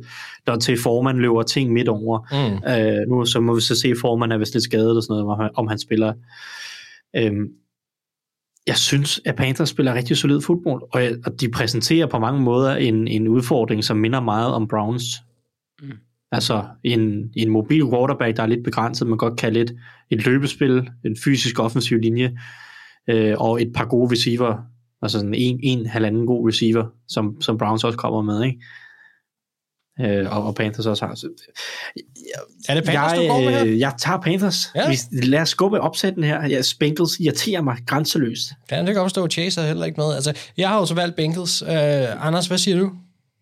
Jeg tager også Panthers, og det gør jeg øh, egentlig, fordi det med den fysiske offensive linje, det er et kæmpe problem mm. for Bengals lige nu, fordi deres, øh, uden DJ Reader er der ikke ret meget øh, tyngde på den defensive linje, og samtidig så mistede de Joby og Wusi for sæson, og han er bare en af de vigtigste spillere, de har på det forsvar, så jeg kunne godt se dem lide et ordentligt knæk på det punkt. Og hvis angrebet stadigvæk er så influeret af en inkompetent head coach, som ikke kan fyres, fordi han har været i Super Bowl, så er det svært.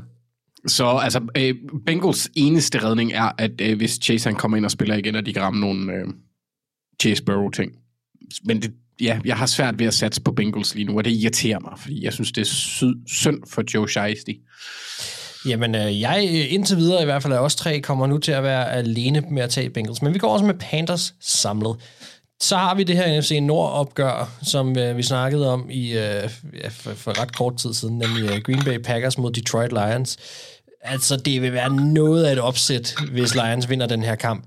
Anders, hvem vinder? Det gør Packers. Det skal Packers. Altså, jeg ved ikke, hvad der sker, hvis de ikke gør. Thijs? Ah, det gør Packers. Det skal Packers. Jeg ved ikke, hvad der sker, hvis de ikke gør. Lige præcis. Jamen, øh, det skal øh, Packers. Jeg ved ikke, hvad der sker, hvis ikke de gør. gør. Øh, så vi tager Packers, og øh, så hopper vi videre til øh, Jacksonville Jaguars mod Las Vegas Raiders. En mærkelig kamp. Øh, og jeg gider ikke blive ved med at tage Jaguars, selvom jeg er fristet til det hver gang. Altså, øh, men på den anden side har jeg heller ikke lyst til at tage Raiders her. øh, nej, ja, det gør jeg. Nu går jeg med Raiders. Øh, Thijs, hvad siger du? Jamen, vi, har jo fået, vi får jo øh, ugentlige hadebeskeder fra Mathias Bergqvist Sørensen, Åh ja, vi at vi, lige huske, vi, ja. øh, vi skal lade være med at vælge Jaguars, fordi Ja. vi har valgt Jaguars seks gange i år. Øh, de har vundet lige præcis 0 af de kampe. Det kan jo Øh, være, så de at, to øh, gange, hvor vi ikke har valgt Jaguars, der har de jo så bundet. Jamen, jeg skulle lige til at sige, at det kan være, at, at Jacksonville's fans også gerne vil have, at vi holder op med at vælge dem. Ja. Fordi det er gået ned ad bakke lige siden. Men øh, ja, altså det, det er... Ja. Kan jeg vælge uafgjort? Mm, nej. Nej, jeg har ikke lyst til at vælge nogen af dem, nemlig. jeg Øh, nu, nu vælger jeg at lytte til Mathias. Godt. Fordi at jeg må ikke Så går vi med Jaguars. Raiders. Jeg går med Raiders. Ja. Anders, vil du øh, have et skud på en Jaguars, den er gratis? Altså, jeg havde jo, jeg havde jo samme princip som Thijs, men nu kan jeg jo se, at begge to har købt, øh, brugt den. Øh, vi er bange for Mathias, fordi vi vil ikke ned i hans kælder. øh, så, så og der havde jeg egentlig bestemt mig for, at jeg vil ikke tage Jaguars igen. Men nu, de, nu bliver jeg jo nødt til det for helvede. Jeg skal jo hente på jer, så jeg tager Jaguars. Godt. Jamen, øh, det bliver altså en 1-2'er her, og vi går med Raiders. Så har vi New England Patriots mod Indianapolis Colts, som vi lige har elimineret i vores slutspil. Øhm, altså, Patriots. Anders? Oui. Thijs? Ja. Godt. Øh, ja, så har vi jo øh, et hold, som øh, har nedlagt nogle af de, af de lidt bedre hold også. Øh, New York Jets, som skal møde mastodonten Buffalo Bills. Thijs, hvad, hvem vinder her?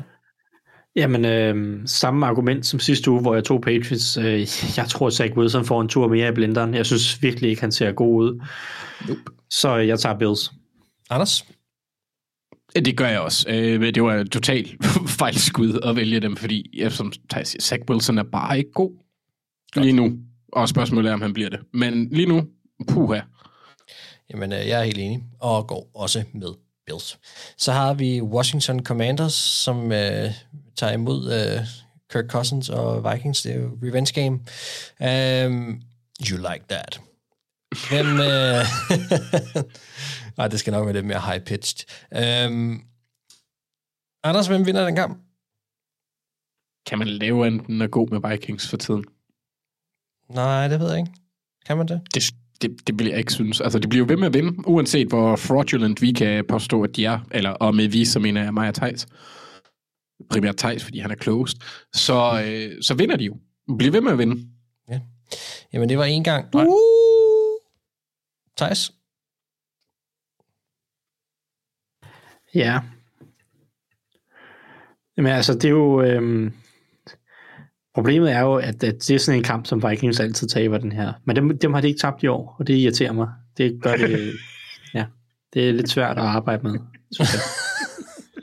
Der er nogen, det ikke irriterer. Mig, for eksempel. Men ja. ja. Øhm, og jeg er, jo, jeg er jo typen, der har valgt øh, Vikings alt for mig, eller undskyld, været imod Vikings for mange gange i år, taget betragtning af. Øhm, jeg tager Vikings. Uh. Uh. Og så tager vi den tredje. Uh. Hvad var det for noget tegn? Det var et bu bu. Ja. Jeg hørte det godt, jeg kan lige klippe det ud. Uh, vi går videre til uh, Arizona Cardinals mod uh, Seattle Seahawks Battle of the Small Birds, havde jeg sagt. Um, uh, altså, det her Seattle-hold, som vi ikke kan blive ved med at, at, at rose og snakke om, hvor, hvor crazy det er. Altså, de er, det er så åndssvagt, det de laver, øhm, og, og hvad de gør og har gjort, og alle historierne omkring dem osv. Så, så møder det her Cardinals-hold, som er Hopkins og ingen andre nærmest. Øhm, Anders, hvem vinder den kamp? Det gør Seahawks. Øhm, er altså godt nok vandt Seahawks blandt andet, fordi Kyler Murray valgte at kaste en 50-50 bold i et matchup, der hedder Marquise Brown mod Tariq Woolen. Øh, der er nogenlunde lige hurtigt, hvis man strækker sig lidt, men øh, Tariq Woolen er lige en 20 cm højere, eller noget i den stil. Der er Hopkins nok lidt bedre, men hvis det er den eneste, der, så tror jeg altså på, at et samlet Seahawks-mandskab, der på forsvaret spiller bedre og bedre over de seneste uger. Jamen, jeg tror på Seahawks. Det kan jeg afsløre, det gør jeg også. Thijs? Jamen, jeg tager også Seahawks. De spiller gode fodbold. Moose House, Peach House. Der er fuld plade i uh, Seattle Seahawks. Den går